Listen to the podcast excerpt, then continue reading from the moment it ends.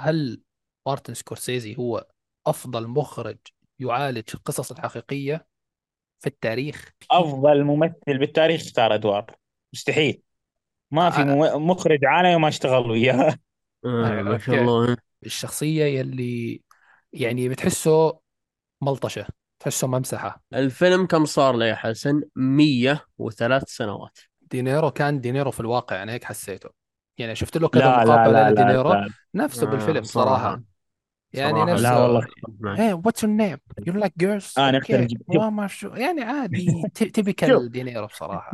السلام عليكم ورحمة الله وبركاته. حياكم الله جميعا في حلقة جديدة من حلقات بودكاست أسبوعنا وهالمره أسبوعنا سينما. قبل كل شيء يا جماعة حابب أذكركم بالدعاء لأهلنا في غزة وفي فلسطين وفي إدلب وفي كل بقاع العالم الإسلامي. الله ينصرهم ويرحم شهدائهم ويشفي جرحاهم يا رب العالمين. آه طيب نعرف الحلقة على السريع حلقة حلقة روتينية ما في أي يعني ما في حلقات خاصة. من زمان صراحة الحلقات الخاصة. آه حلقة روتينية نناقش فيها أفلام شفناها الفترة الماضية. وهيكون عندنا فيلم الحلقة فيلم Killers of the Flower Moon حلقة مثل ما وعدناكم فيها. باقي بس فيلم نابليون لسه ما شفناه إلى الآن إن شاء الله. وعندنا في الأخير فقرة مشاركات اللي يعني آرائكم اللي أعطيتونا إياها على ال- ال story على الإنستغرام وعلى تويتر. ونعرف بالشباب اللي سام شو أخبارك يا سام؟ أهلا أهلا أستاذ حسن كيف حالك؟ الحمد لله شو آه، جاهز للتسفيل بالفيلم؟ ج... أول شيء أول شيء أنت قلت حلقة روتينية يعني آه. سكورسيزي سكورسيزي غير روتيني سكورسيزي لحاله غير روتيني. غير روتيني أبدا أبدا. يعني آه أول شيء يعني إن شاء الله بتكون حلقة جميلة بإذن الله. آه وطبعا يعني أنا زي ما أزيد على كلامك إنه ما ننسى إخواننا في في غزة. وفي حول يمكن العالم الإسلامي عشان لو نسينا برضو شيء. آه والله يعني يكتب اللي فيه الخير بإذن الله والله ينصرهم يا رب. ويعني لا الدعاء الدعاء جدا مهم. آمين آمين. الله يجزاك خير. ومعانا كمان آه سيد الغالي. شو أخبارك يا سيد؟ يا أهلا بالشباب هلا حبيبي حسن الحمد لله. كيف بالتوفيق إن. شاء الله ومتحمس متحمس للتسجيل. يا سلام. هي ترى أنت قلت أتوقع تسفير أنت قلت تسفير وترى أنطيت إشارة خاطئة يعني يمكن. نحاول آه، نثير الجدل شوي من البداية. آه، أساس المستمع يظل معانا ها؟ هو هو قال نفس الحلقة كليك هو قال نفس الحركة نفس الكلام قال على أوبنهايمر آه، تسفيل نفس الحركة. انت افلام حيقول على نابليون بيقول على نابليون ه- تسفيل هاي اساليب marketing يا حبيبي ما عليك. طيب آه وبالمناسبة هذا يمكن أول فيلم لسكورسيزي آه بنتكلم عنه في البودكاست آه بعد آه يعني آخر فيلم ما كان يمكن البودكاست موجود ايرش مان Irishman صح ما كان 2019 آه. فهذا أول فيلم فحلقة مميزة ممكن نعتبرها حلقة مميزة من هي الناحية. آه قبل ما نبدأ في الفقرة الأولى لا تنسوا يا إخوانا لو تسمعونا من اليوتيوب. آه إنكم لو ما مشتركين تشتركوا في القناة. ولو عجبتكم الحلقة في النهاية أنهم تعطونا زر ال like. ولو أنتم بتسمعونا من منصات الاستماع يا ريت تقيمونا لأنه هي شيء بيساعدنا بالانتشار. طيب نبدأ بأول فقرة معانا واللي هي فقرة آه شو شفنا؟ آه سام متحمس شكلك. روح أعطيني. جدا جدا بسم الله أنا آخر مرة آه، شاركت حلقة آه، وش شفنا؟ كانت على فيلم آه، شو اسمه؟ أعتقد كان The Cranes Are Flying 1957 حلو؟ امم أنا رجع هالمرة حلو نفس السنة بالضبط اللهم أرجع 27 سنة وراها. حلو؟ يا عفو الله الرحيم. أيوه yes أنا أيوه. كل أنا كل مرة أرجع ورا أنا كل ما أرجع بالسنين ورا. فكان فيلم The Cabinet of Doctor Caligari حلو؟ حلو الفيلم كم صار له يا حسن؟ 103 سنوات. الله. مر عليه الله. 103 سنوات. فكان أول شيء الفيلم ترى يعتبر مؤثر. أنا ما راح أقول إنه فيلم عظيم ومن هالكلام. لا بالعكس يعني ما راح حتى أقول مؤثر في سنته. وحتى مؤثر الناس اللي بعده. الفيلم. إيش اللي خلاني أشوفه كان فضول صراحة إنه آه، من الأفلام اللي اللي تعتبر مؤثرة في السينما من الأفلام اللي آه، أنت حتى تستغرب أصلا كيف كانوا الناس يفكرون. أنا أشوف إن الأفلام اللي مع بداية السينما هي توضح وجهة نظر الناس عن السينما. حلو؟ إيش هم يشوفون السينما فيه. ف The Cabinet of Doctor Caligari كان من نوعية هذه الأفلام. وهو اللي قدم هذه ال- هذه يعني الأساليب الفكرية. أعتقد لو, لو تكلمنا عنها ما راح نخلص. يعني السينما التعبيرية الألمانية اللي هي أول أول موجة أعتقد سينمائية صح؟ أول موجة سينمائية عموما مؤثره في السينما. يعني لو تفتح الماك أفضل. okay. كويس. هذه فائده تسجل face cam أيوه يتكلم متحمس. في في قبلها موجة فرنسية بس آه، ما كثير مشهورة. ما عليك اللي اللي حقت اللي حقت ميليس؟ آه لا آه آه. أتوقع اسمها الانطباعية ال- آه، الفرنسية. بس ما عليك مو آه، مهم كثير يعني. بدايه العشرينات. هو هو شوف آه، كان التعبيرية الألمانية كانت يعني هي لحالها جانب صراحة ممكن ممكن نتكلم عنه ما حد يدري. وش اسمه وفيلم تكبرت في دكتور كاليجاري جانب ثاني للأمانة. الفيلم أنا يمكن قريت معلومة آه، صدمتني إن فيلم وهذا ترى ما يمكن ما, ما تعتبر يعني ما تعتبر صادمة بشكل كبير خصوصا في ذيك الفترة إن هو الفيلم فيلم صامت فهو ينحط على اللي هي الشرايط اللي هي ال microfilms أو ال films عموما حلو الشرايط هذه معروف إنها سهله الحرق ممكن تنحرق بثواني حلو فكل الأفلام الصامتة المشهورة حاليا حلو عند نقاد السينما تعتبر 25% فقط من جميع الأفلام الصامتة اللي كانت موجودة في ذيك الفترة. فكانت في أفلام صامتة كثير. يعني لكن الموجود عندنا حاليا هو 25% فقط. أما الباقي إيش صار له؟ يا أما يا أما تلف مع الزمن أو احترق آه، في فترة الحروب حلو؟ وهذا بس ما في إلا الحالتين هذه. أو إنه ممكن واحد بس أخذه وحرقه وإيش سبب حرقة؟ إنه بس عرضناه في السينما خلص احرقه بس الموضوع بهذه البساطة ليش لما عندهم آه، شو فكرة اسمه أنت دامك دامك جبت طاري هذا الموضوع وحلقتنا عن فيلم سكورسيزي. فيلم سكورسيزي هوجو. ترى تكلم عن هذا الموضوع. اي صح. ما أعرف إذا هذا شايفه ولا لا. عن ميليس. هو أصلا عن ميليس. عن فكره عن فكرة الحرق اللي صار للأفلام وأسباب الحرق اللي صار لها وليش المخرجين كانوا يسوون أفلام وما بقى منها بس كمية قليلة. وه- يعني. هذه هذه كانت الفكرة حتى برضو. فكبرت في دكتور كاليجاري من الأفلام اللي نجت من من من مشاهد الحرق لدرجة إنه ترى ألوان الفيلم هو كان أصلا لما لما سووا الفيلم كان له ألوان حلو؟ بس مو باللون اللي إحنا نعرفه أو الألوان الطبيعية اللي إحنا نعرفها لا كان له لون خاص. يعني يعني في ناس كانوا يقولون إنه أصفر في ناس كانوا يقولون إنه أصفر يعني في ناس كانوا يقولون إنه أخضر. ففي ناس لا كانوا يقولون عادي أبيض واسود ما في أي شيء. فلدرجة إنه لو تروح تبحث عن فيلم The Cabinet of Doctor Caligari وما يحتاج تروح تبحث ترى على اليوتيوب. يعني. لكن لو تروح تبحث راح تلقى بالنسخ هذه راح تلقى لون أخضر راح تلقى لون أصفر عادي راح تلقى لون آه، أبيض أسود عادي طبيعي. فكلها كانت حتى مؤثرة على على الفيلم. والفيلم نفسه أصلا كيف قدروا انهم يخلونه كيف قدروا ينجون الفيلم هذا كانت تعتبر معجزة. إنت تتكلم عن فيلم ألماني في ذيك الفترة ما كان فيه اهتمام حتى اهتمام بالأفلام إنه خاص ان عرضت في السينما بتمشي ما راح ما راح تقعد. حلو؟ بس الفيلم هذا مو بس قعد لا الفيلم هذا حتى استمر إلى بعد الحرب العالمية الثانية. اللي هي أجم... يعني ضررها أكبر على ألمانيا من الحرب العالمية الأولى. والفيلم أصلا في 1920 يعني بعد بعد نهاية الحرب العالمية الأولى. فالفيلم يعتبر مميز فكرته مثيرة جدا للاهتمام. وإلى الآن يعني إلى الآن الفيلم يعتبر ثقافة ودراسة يعني في في جامعات السينما ف يعني فيلم جميل. يعني لا تتوقعون منه أي شيء. أنا برجع أقول لو في أحد بيشوفه لا يتوقع لو في أحد بيشوفه لا يتوقع منه أي شيء. فيلم يعني جميل صراحة. رجل 1920 1920 يعني قبل 100 بيتوقع حبكة وأداء ميلودرامي كذا خلاص. هو, هو هذا الشيء المضحك. هو بس في أداء واحد حبيته. فيلم ترى يمكن أقدم منه وفترته يعني اللي هو مال جون آرك. آه ذا فيلم باش اوف صامت. جون اوف آرك لا هذا بعده بثمان سنين. هذاك آه 28 على ما أعتقد. 28 هذاك. فرنسي. بأداء بأداء جبار كان. في أداء كان رهيب للأمانة. هم أصلا ترى كلهم. ممثلين مسرحيين ممثلين عشرينات يعني عند شو اسمه اللي هو بطل آه، Cabinet of Doctor Cali كونراد فيت.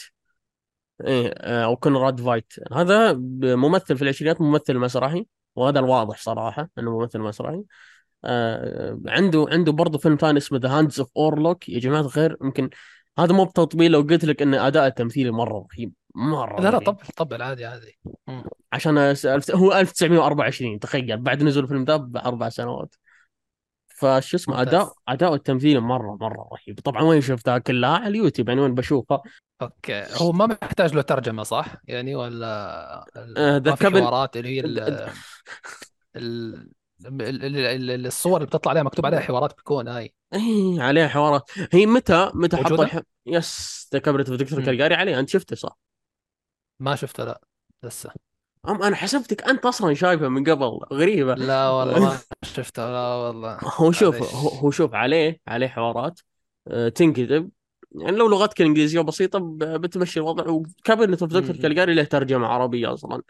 أما The Hands of Orlac ما لقيت ولا أعتقد فيه آه، في بعد Wax الحوارات بالألماني بالألماني ولا آه، إنجليزي؟ في ألماني وترجمة إنجليزية آه. تحتها عادي أو في ألماني وواحد يترجمها آه، بالعربي أوكي، ف. يس هو بس موضوع بسيط يعني وفي برضه The Hands of Orlac نفس الفكرة إنجليزي في Waxworks آه ألماني برضه له ترجمة إنجليزية من أفلام السينما. Waxworks يتكلم عن قصة غريبة كان يتكلم عن واحد موظف في في متحف شمع يكتب قصص لشخصيات معينة. فكان من الشخصيات اللي يكتبها القصص كان هارون الرشيد. أها.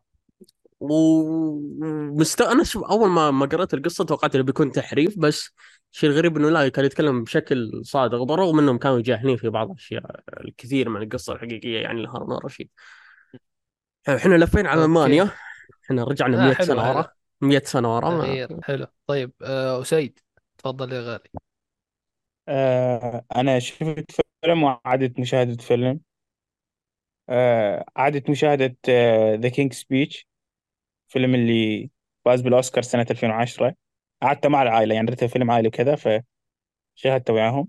صراحة هو فيلم يعني آه مميز بهواي أشياء وبس مع الإعادة شوية قلت قيمة الفيلم عندي لأن يعني حسيت بثقلة وحسيت ببطء الفيلم انه مدته بس ساعتين. بس حيل حيل كان بطيء والأحداث تنجرجر يلا توصل. يعني المشاهدة الأولى كانت أحلى هواي. وأيضا هو يعني ما أعرف شلون فاز بأفضل فيلم ذيك السنة مع إنه كل المرشحين وياه أفضل من عنده. يعني هو إذا ارتب المرشحين أقل واحد عندهم أقل واحد يعني قيمة بالنسبة لي من المرشحين هو The King's Speech لكن يبقى يعني فيلم جميل وعادي أرشح للمشاهدة يعني. وأيضا الفكرة والعبرة من الفيلم نفسه حلوة إنه على أهمية الكلمة. ممكن كلمه ممكن تسقط دولة ممكن ترفعها. حلو. شفت فيلم ثاني اسمه Rhino Season أو موسم وحيد القرن. هذا فيلم كردي إيراني والمخرج أيضا عن يعني من أهل كردستان يعني باصول عراقيه فالفيلم راح أكون متحيز له. بس آه، الفيلم يعني بجوانب كثير عبقرية. طبعا هو يتكلم عن شاعر ينسجن في فترة الثورة الثورة اللي صارت بإيران. بسبب القصائد اللي كانت مناهضة للثورة. فينسجن وهالأمور ذني وراه أنت عاد يصير فيلم عبارة عن ti- timeline اثنين. timeline أثناء السجن و timeline بعد الإفراج عنه. وتشوف وتشوف الأحداث والقصة اللي إنه شلون يروح يبحث عن عائلته. الفيلم طبعا بي يمكن أفضل إضاءة وتكوين صورة شفته بكل فيلم. بصريا الفيلم إعجازي. أوف. يعني ابدا ما شايف فيلم بصريا هيك يعني. ممكن نتكلم عن أفلام مثلا Blade Runner هالأمور ذني بس ذني بيهن مؤثرات وبيهن ميزانية 200 مليون 150 مليون. هذا فيلم يعني بميزانية لا تذكر ولكن الفيلم بصريا صراحة إعجازي. أيضا بطابع شاعري وسريالي هواي بكثير مشاهد سريالية ولكن جدا عظيمه ومؤثرة. وذكرني بهواي أفلام ويذكرني فيلم Incendies اللي سواه ديني فيلنوف فيلم حرائق.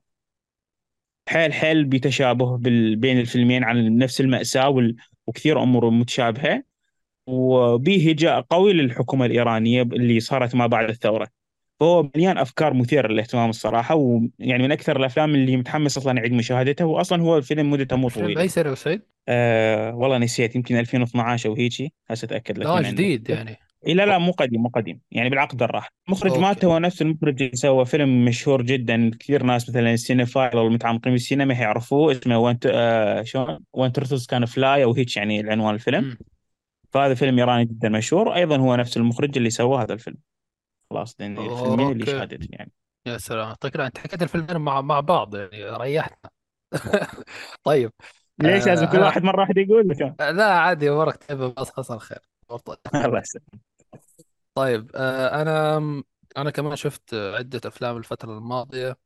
آه، أول فيلم فيلم ياباني اسمه The Blood of Wolves فيلم من 2018 نعم 2018 ما له فيلم قديم. آه فيلم عن عصابة هو عن عصابات ياكوزا وكذا في اليابان. يعني اليابان ال- في أتوقع أحداثه بتدور في العصر الحديث يعني. تمام؟ بس له علاقة في الماضي يعني. بس آه، فيلم جميل جدا. يعني في الممثل اللي هو كوجي ياكوشو آه، ممثل اليابان هذا اللي بعتبره الوريث الشرعي لتوشيرو وتاتسويا يعني في السينما. ما تاتسويا لساته عايش بس آه، توشيرو يعني هو تحس الوريث الشرعي. رهيب رهيب هذا هذا الممثل. قصة الفيلم باختصار عن عصابتين بتصير بينهم مشاكل واللي بيحاول يحل المشاكل هاي محقق فاسد. تاخذ لك على اكشن وعلى على فساد وعلى جرائم وعلى أشياء يعني. والفيلم يا إخوان يعني اللي بيعرف اليابانيين بيعرف إنه آه، قديش هم ما عندهم كيف تحكي لك مبادئ. رحمة في ال في أوكي ال في ال- للمشاهد. لا ما ما يعني يعني مستعدين يقدموا لك أي شيء أي عنف أي مشهد عنف ممكن يكون يعني بصراحة. لأن الفيلم عنيف جدا جدا. ياكوزا يعني ياكوزا أتوقع أي شيء حرفيا أتوقع أي شيء يعني. فيلم جميل آه، بسيط. بدي احاول اترجمه لأن ما لقيت له ترجمة عربية ترى. آه، جيت أترجم آه، تقريبا نزلت ترجمة إنجليزية جيت أترجمها للعربي. وقعدت يمكن ثلث ساعة بد- ترجمت ثلث ساعة من الفيلم وبعدها مليت خلاص قلت يا عمي بلا هم وبلا ترجمة خليني أشوف إنجليزي أحسن لي. وخلاص أي شيء يصعب علي. يعني بترجمه بعدين. فكانت تجربة فاشلة للأسف إني أقعد أترجم فيلم أول فيلم يعني في ال- في الحياة. قصة الفيلم اللي قلت قبل شوي ذكرتني فيلم New World الكوري. آه والله صح. شفت New World إيه. في في شبه في New شبه. World أتوقع هو New World إيه، بطولة تشوي من سك أيوه أيوه بعرفه بعرفه. آه بعرفه. آه فيلم رهيب صراحة يعني. طيب سام يلا أعطينا شو شو الفيلم الثاني اللي شفته؟ الفيلم الثاني هو فيلم آه، جديد يعني يعتبر. بعد ما رجع ل 103 سنوات. آه، فهو فيلم آه، Mommy فيلم كندي إخراج خافير دولان أنا كان كان يعني ما أقول لك إني كنت متحمس للفيلم بالعكس يعني كنت بشوف فيلم كذا ثقيل وكنت أصلا بشوف أفلام اللي هي قائمة آه، قائمة تعتبر قائمة ال Letterboxd اللي هي أفضل الافلام فكان منها فيلم Mommy. فقلت بشوفه حلو؟ طريقة التصوير صراحة يا حسن ممكن من من أغرب الطرق اللي ممكن أنت تشوفها أو أي أحد يشوفها صراحة. لكن مع تقدم الأحداث تبدأ تش- تكتشف أن تبدأ تكتشف أن أن أحداث طريقة التصوير رهيبة مميزة حتى. فحتى يعني مثلا مع شو اسمه سير الأحداث مع القصة قصة الفيلم آه، باختصار شديد تتكلم عن أم أرملة آه، تطلع ولدها ولدها عنده اي دي اتش دي تطلع ولدها من آه، من شو اسمه من إيش كان اسمه يا أسيد؟ والله نسيت. هي مدرسة داخلية باختصار إنها تربي الناس اللي عند النفس تقريبا هي نفس مدرسة خاصة مال خاصة إيه. فهو عنده اي دي اتش دي اللي هو اضطراب أعتقد اضطراب نقص الانتباه وفرط الحركة. آه، إيه فرط فرط الحلقة الحركة ال... مم. مهم. ف... فولدها مراهق عمره 15 سنة. فأنت تشوف علاقتها مع ولدها حلو وتشوف هي حتى حياتها الخاصة. فلما ترجع البيت تكتشف إن, إن بس إن هي سكنت في بيت مختلف ف تكتشف هي جارتها مع جارتها الجديدة تبدأ تتغير حياتها. فالفيلم نفس آه، شو اسمه كان أعرف سوابق عن المخرج حلو فتوقعت إن أي شيء ممكن يصير في الفيلم إلا الأشياء اللي صارت آه، موجودة يعني. فكان فيلم شوي نقد على المجتمع الكندي كان فيه آه، انتقاد حتى على على وجهة نظر الأهالي عن عن عن الولد إنه فكرة هو عنده نقص انتباه وفرط حركة هم ما يستوعبون الشيء. ما ما ما يحط حتى في راسهم ذا الشيء حتى. فكان في انتقاد شنيع ويمكن ما أتوقع بصراحة ولا واحد في المية إنه فيلم يعجبني. يعجبني لدرجة الانبهار أنا مبهور أصلا من الفيلم. ف يمكن القصة القصة لحالها أنا أقدر أقول لك القصة لحالها ممكن لو ناخذها حلو؟ بتقول لي قصة كليشيه. ام علاقة أم وولدها قصة كليشيه حلو؟ بس الإخراج هنا اللي تطلع بالنسبة لي هي تتضح صورة الإخراج انه خلاها قصة عبقرية جدا خلى تنفيذها رهيب جدا. وهذه من الأشياء اللي مميز الصراحه في الإخراج السينمائي اللي يقدر يقدر يطلع لك مشاعر آه، من من يقدر يحول القصة تافهة عادية إلى فيلم عظيم. هذه أرهب كلامك نقطتك هذه أفضل صراحة. أنا صراحة الفيلم صراحة الفيلم مميز إيه. ذكي وصراحة ممكن ممكن يعجب ناس كثير أنا أشوفه خصوصا بعد ما يفهم وجهة نظر طريقة تصوير الإخراج طريقة حتى فكرة الاستخدام اللي هو أساليب متنوعة يعني هنا من جد تنفع تستخدم أساليب متنوعة بالإخراج. ففيلم مميز فيلم عبقري صراحة أنا حبيته جدا وأنا توقعت إني بحبه وأنت طبعا ما شفته حسن صراحة ممكن إذا شفته لا تقول لنا رأيك عنه. آه إيش دام دام يا سام جالس تتكلم عن مامي. شوف اني مامي إذا أريد أرتب أفضل 20 أو يمكن حتى أفضل 10 أفلام شفتها بحياتي مامي بيكون من عندهم يعني. من أكثر الافلام اللي أثرت إذا ما كان الأول ها؟ القوية الأول يعني بس ما أعرف. ممكن ليش لا؟ بس يعني مامي شوف تجربة مشاهدة مامي مستحيل أنساها. فيلم عبقري بمعنى الكلمة شوف أنا دائما اذا أصف مامي إنه كل واحد من أي شخص يحب السينما ويتعمق ويتابع بيها دائما يحلم إنه هو يسوي فيلم. ويحط بيه اللقطات اللي يحبها وزوايا تخ... الإخراج اللي يحبها ويحط بيه الأغاني اللي يحبها. بس كنا نحلم. إلا اجزا فردولان شار كاميرا وسوى فيلم. عارفين هو فيلم عبارة عن صنع الأحلام شخص شغوف بالسينما. ففيلم عبقري صراحة. ما فيلم فيلم أبد ما يتكرر. خصوصا سوى الفيلم وهو سوى الفيلم وهو صغير بعد بداية العشرينات. اي بالضبط عمره بداية العشرينات. يعني فعلا بعدها شاب وعنده أفكار بس الأفكار تشجع وشال كاميرا وراح سواها. و- وحاولت أشوف يعني كم فيلم للمخرج نفسه وصراحة ولا شيء قريب من ربع مستوى مامي. يعني كلها آه، أفلام بها كثير تركيز عن ميول المخرج وهالأمور ذني. إلا مامي فيلم صراحة عبقري وفيلم دراما عظيم جدا يعني. برضو احداث الفيلم ترى بالمناسبة احداث الفيلم. تدور اعتقد أعتقد آه، يا جنوب كندا يا شمال كندا. لأن جنوب أو ش... اي جنوب أو شمال كندا يتكلمون فرنسي ترى. وهي من اللغات الرسمية. فانت بتشوف الجانب هذا ترى حتى في ناس يحسبون إنه فيلم فرنسي. هو لا كندي. لكن آه، هو حتى يوضح المجتمع الكندي. هو ما في أي موضوع له دخل بفرنسا بالفيلم حتى اللي قالوه حتى مع الحوارات. مع الحوارات بداية الفيلم ما أدري إذا تذكره شيء بس إنه. كانت توضح ابدا إن الموضوع ما له دخل بفرنسا. يب. وفيلم فيلم جميل جدا يعني. آه. تمام. مية مية. طيب آه تم عندي فقرة بفيلم آه صراحة كان صادم. ما توقعت منه أبدا إنه يكون على قد حلو. يعني شفت التقييمات أنا عليه عالية بصراحة قبل ما أتابعه. بس ح... بس هل تحكي معقول مجاملة أو شيء اللي هو فيلم The Holdovers أو The Holdovers تمام. من إنتاج آه، هاي السنة 2023 وقصته بتحكي عن مدرسة بتدور الأحداث في مدرسة داخلية اسم المدرسة بارتون تمام؟ من المدارس اللي نوعا ما يعني ما بدي أحكي فيها علية القوم لكن فيها ناس يعني يعني شوي هيك يعني محترمين زيادة عن اللزوم تمام؟ وقصة ال وال وال وال والهي ال- ال- الزمن على أساس إنه يعني بعد أسبوعين الكريسماس هيكون يعني. فمشان هيك؟ بيعطوا الطلاب فرصة إنه يرجعوا عند عائلاتهم لكن في أربعة أربعة أو خمسة تقريبا يكونوا محرومين إنهم ينزلوا عند عائلاتهم. تمام؟ بيقضوا الكريسماس ال- في المدرسة. ممتاز. شد عليهم نوعا ما كان.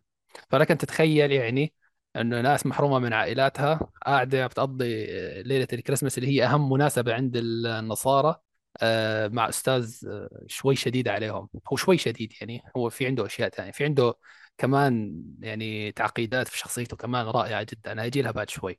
هاي القصة باختصار راح نشوف آه، الليالي. يعني مو بس ليلة الكريسماس يعني إنه ال- ال- اللي بعد وقبل يعني يعني تقريبا أنت بترافق الشخصيات تقريبا في أسبوع أسبوع 10 أيام يعني تمام؟ مو بس ليلة واحدة.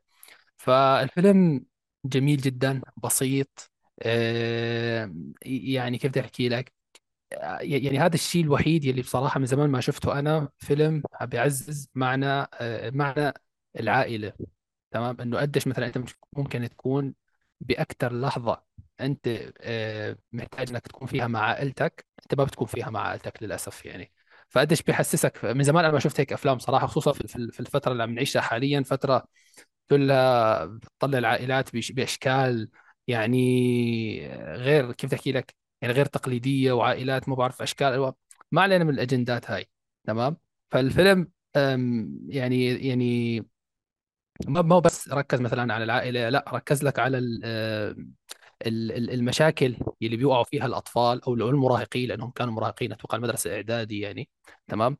آه الحوارات تبعيتهم الحوارات بتحسهم جد طالع يعني جد ناس مثقفة عايشة في المدرسة هاي خصوصا الأستاذ الأستاذ مدرس تاريخ وعنده مصطلحات يا إخوان جد بتفطس ضحك يعني. وبالمناسبة الفيلم شوي كوميدي في لمسات كوميدية رهيبة جدا على الجانب الدرامي بالفيلم صراحة كان يعني آه، كانت كانت الحوارات رهيبة ومقنعة جدا. حتى الطلاب يعني كانت عندهم مصطلحات هيك شوي غريبة يعني يعني مو يعني مصطلحات أتوقع لما تسمعها ما تفهمها يعني مو مو مو العامية تبعيت ال- الأمريكان يعني.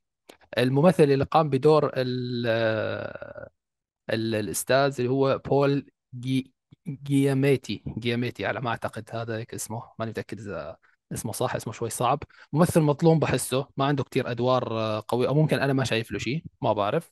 آه، أتوقع ترشح لل Golden Globe هاي السنة وأتمنى ياخذها بصراحة لأنه بدع بدع جدا بصراحة رهيب. آه شو عندنا كمان؟ شيء ما حكيت ال ال ال في طالب آه اسمه دومينيك سيس سيسا دومينيك سيسا. هذا تقريبا كان أغلب الوقت مع الأستاذ بالمشاهد. اداؤه يا إخوان كمان رائع جدا على الرغم إنه هذا أول فيلم في مسيرة ال- الشاب هذا. تخيل أول فيلم أنت تمثل فيه وتبدع جد تبدع يعني. ماني متأكد إذا مترشح لل Golden Globe ولا لا ماني متأكد.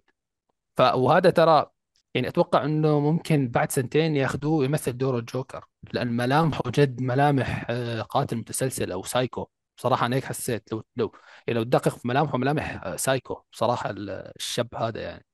آه، بالنهاية الفيلم ممتع جدا سلس ما حسيت بملل ابدا. سلبيته الوحيدة هي آه، محطة بمحطات الفيلم يعني تقريبا عشر دقائق هيك. كانت آه، طلعتني من رتم آه، الفيلم. كانت ما لها داعي بصراحة. فبس هاي يعني شو اسمه يعني هاي هذا رأيي حول الفيلم. فيلم جميل جدا وأتوقع أنه يكون ضمن أفضل أفلام السنة بنهاية ال- السنة يعني. أنا صراحة طيب. سمعت حكي عنه حيل بس ما توقعت قصته هيك فحمس زياده يعني. وهو هسه أجواء تساعد على هيك قصص إن واحد يتابعها يعني. أيوه بالضبط. نزلوه بوقت آه، ذكي جدا أيوه بصراحه بالضبط. آه، خصو يعني هو الفيلم حال- بهالأوقات هاي يعني لبين ليلة الكريسماس يعني بيوديك الفيلم. فرهيب جدا وكل واحد عند وكل شخصية عندها مشاكلها الخاصة وبيقعد بناء يعني يعني ما بيناقش بناء هو بيركز غالبا على الأستاذ والطالب الثاني اللي معاه هذا يعني. وانت هتشوف آه، اني أني يعني شفت ليش؟ شو اسمه أني حيل أحب أتابع الحساب المواقع الأجنبية واليوتيوبر الاجانب من ينزلون آه، توقعاتهم وترشيحاتهم للأوسكارز جلوب يعني أتابعها بشكل دائم. أنا أصلا مهتم بذن الحفلات يعني. فأشوف حكي إنه ممكن اكو مفاجأة إنه هذا يفوز بأفضل ممثل يعني. ما أدري لهالدرجة أداء قوي ما أعرف. آه آه. لا لا رهيب رهيب صراحة. وبالمناسبة يا إخوان الفيلم هذا يعني بحس بكل سنة بيطلع لنا تقريبا فيلم يعني يمثل الحصان الأسود يعني هذا الفيلم هو الحصان الأسود لهي السنة أنا متأكد. يعني متأكد هيترشح لافضل نص ممكن. مم- ممكن أفضل ممثل في الأوسكار؟ ممكن ما بعرف. آه، أفضل إخراج شوي صعب يعني. شوف أنا بالبداية فكرت الفيلم رايح منحنى The Breakfast Club تمام؟ بس بعدين لا الفيلم راح مكان تاني جدا يعني وحط Breakfast Club بجيبته بصراحة. أنا ما ما بحبه كثير هذاك الفيلم يعني. آه طيب أعتقد هيك خلصنا أول فقرة. آه إن شاء الله خلصناها بنجاح يعني.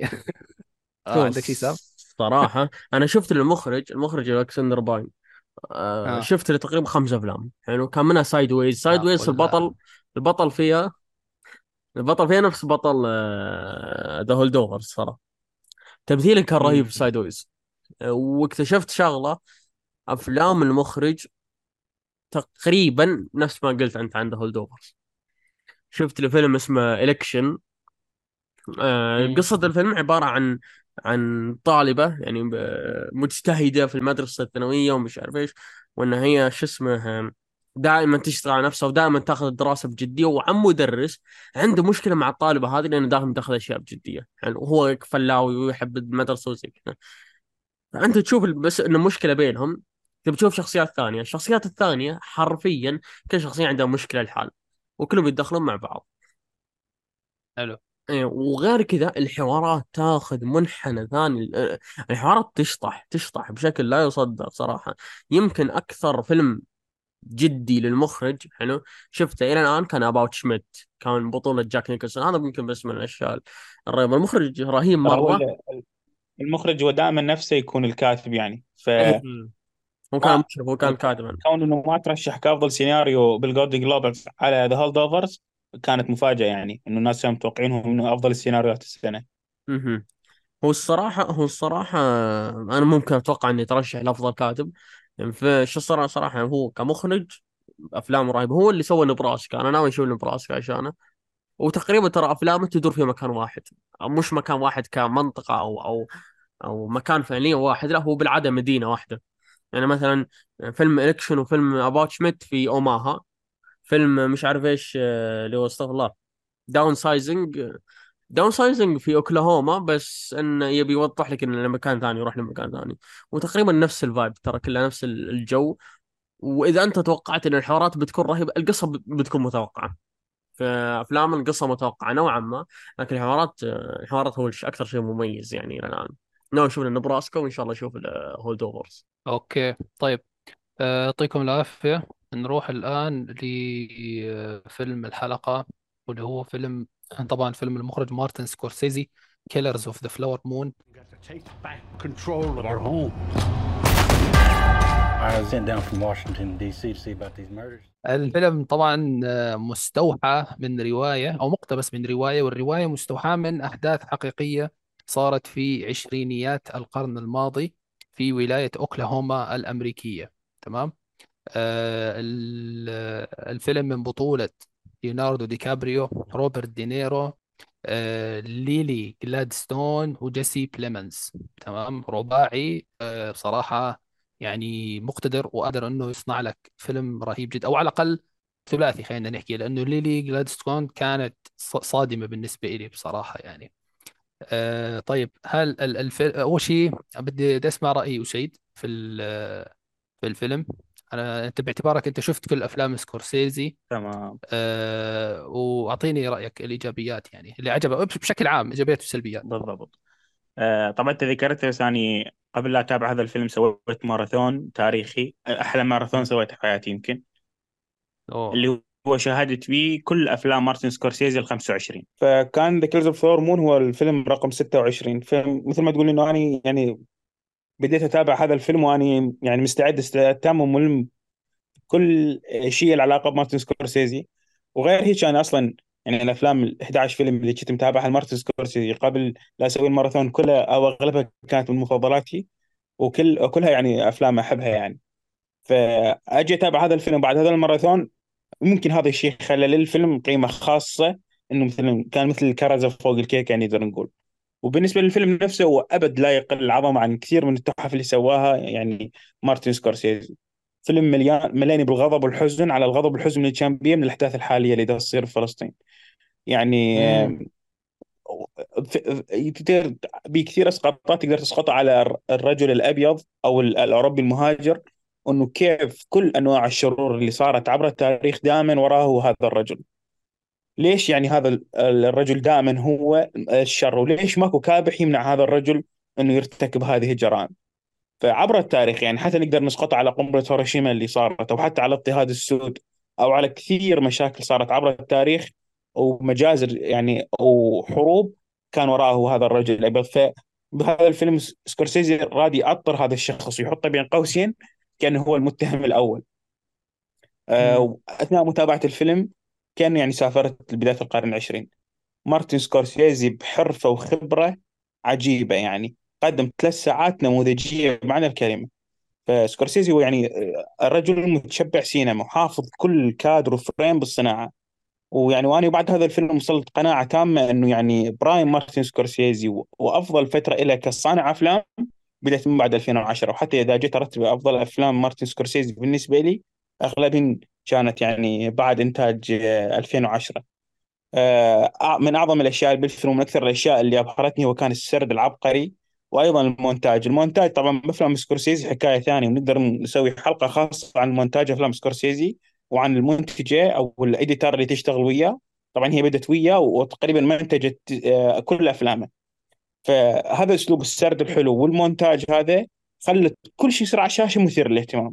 على الأقل بالنسبة لي. ما حسيت ولا لحظة إنه يريد يصير مبالغة أو آه، مبالغة على على القصة وإنه زيادات ما لها معنى.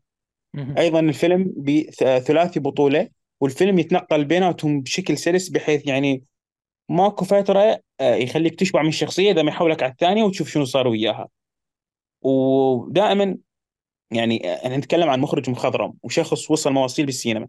فعمره 80 سنة ومع ذلك مارتن سكورسيزي يتعلم من اخطائه يعني إحنا شفنا بآخر فيلم اللي هو كان The Irishman من أكبر الانتقادات اللي كانت على الفيلم الإيرلندي اللي هي مشاهد الاغتيال والقتل اللي بيه وقديش إنه ما عرف يخلي سكورسيزي وآل باتشينو وجو بيشي بحالة يعني بدنية زينة أو التقنية اللي يستخدمها كانت خلت مشاهد القتل غريبة أو مو متقنة. فهذا الفيلم أكو مشاهد قتل واغتيال مرعبة وفي بشاعة ودقة بالتجسيد عجيبة الصراحة.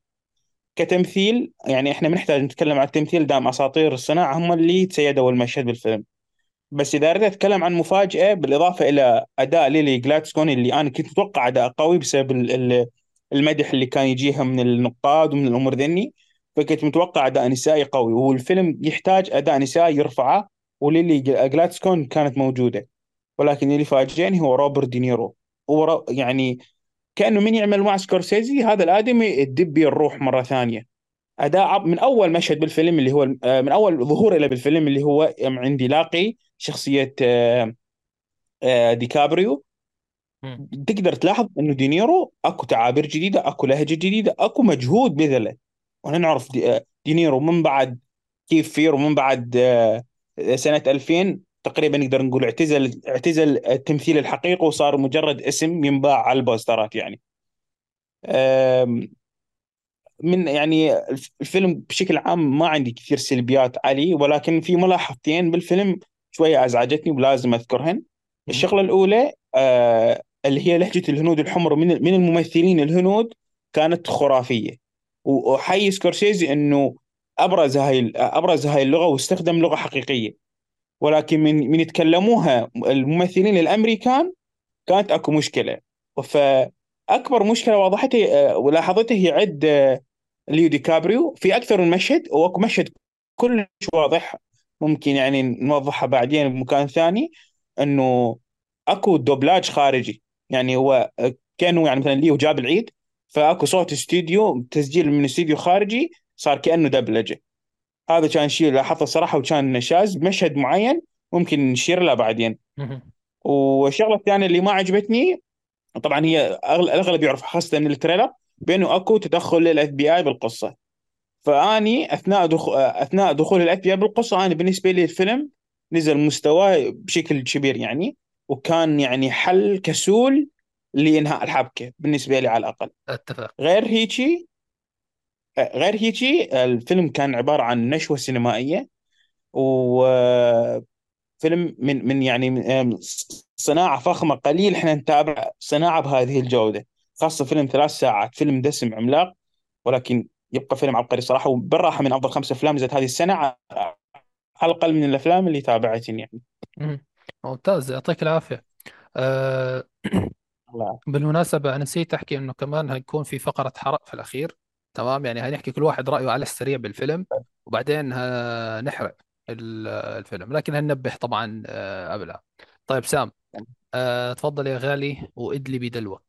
صراحة شوف من كلام كلام وسيط صراحة.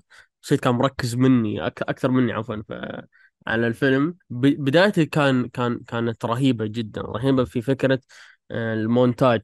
كان فكرة إنك تقدم مونتاج آه، سريع توضح لك من هم قبائل الأوساج توضح لك إيش أفكارهم توضح لك إيش عقائدهم توضح لك مين هو إرنست بيركارت اللي راح تشوفها بعدين. هذه كلها كانت أفكار رهيبة جدا رهيبة بعد حلو؟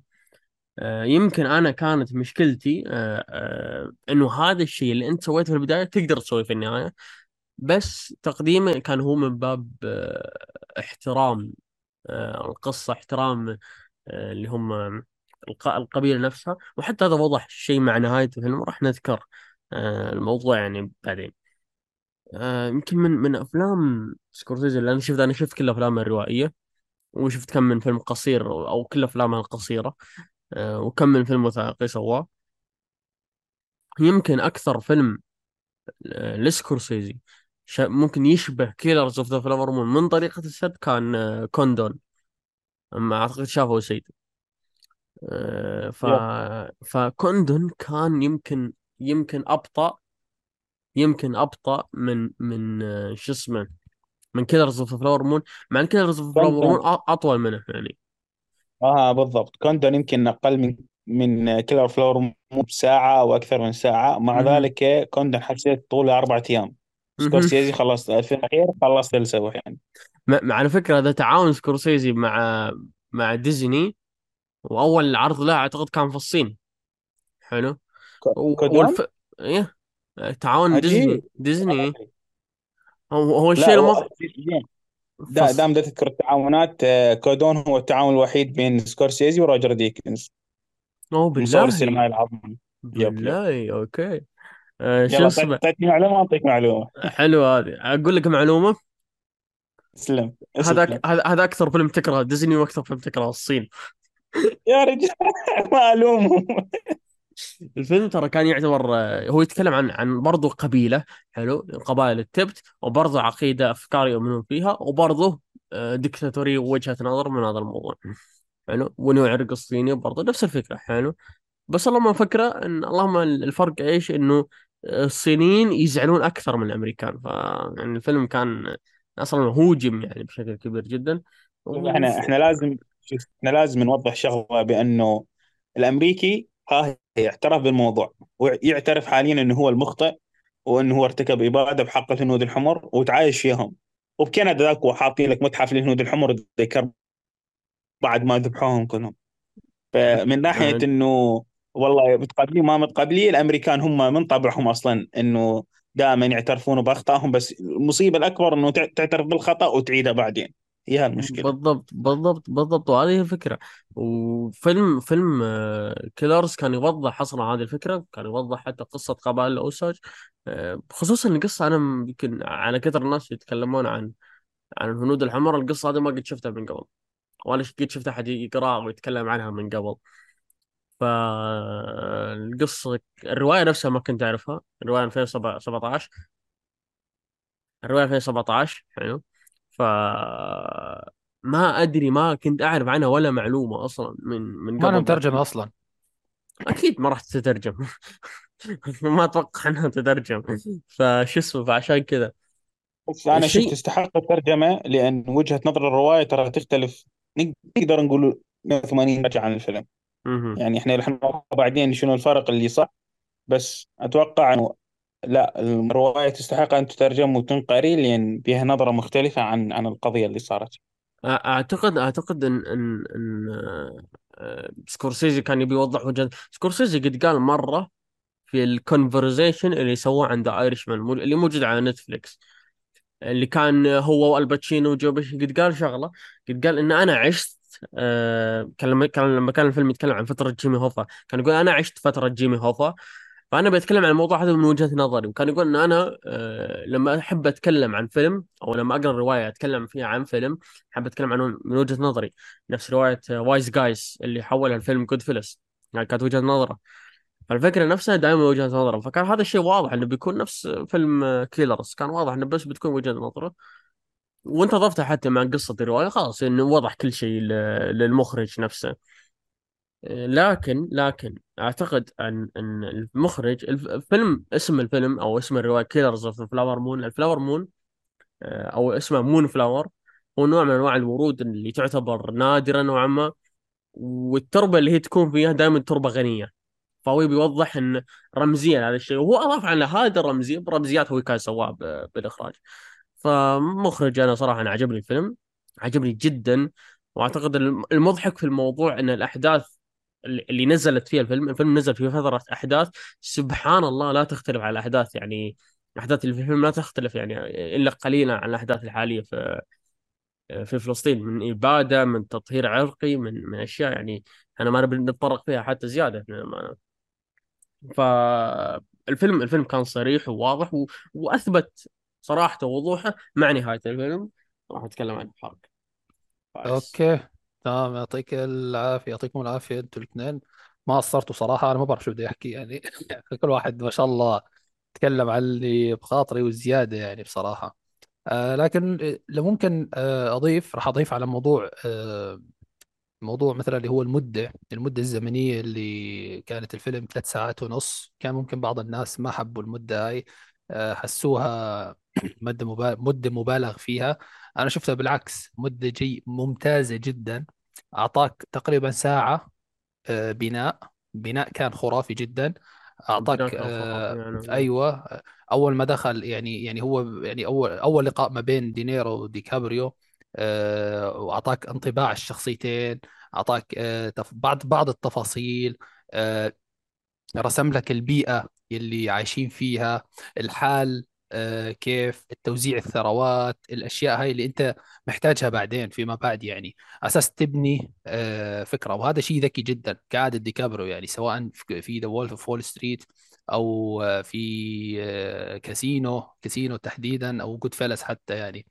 فأنا شايف أنا شايف البناء كانت عملية آه، لابد منها خصوصا ساعة كاملة لأنه الفيلم هذا حساس يعني جدا فلازم يعطيه حقه من هذا الموضوع.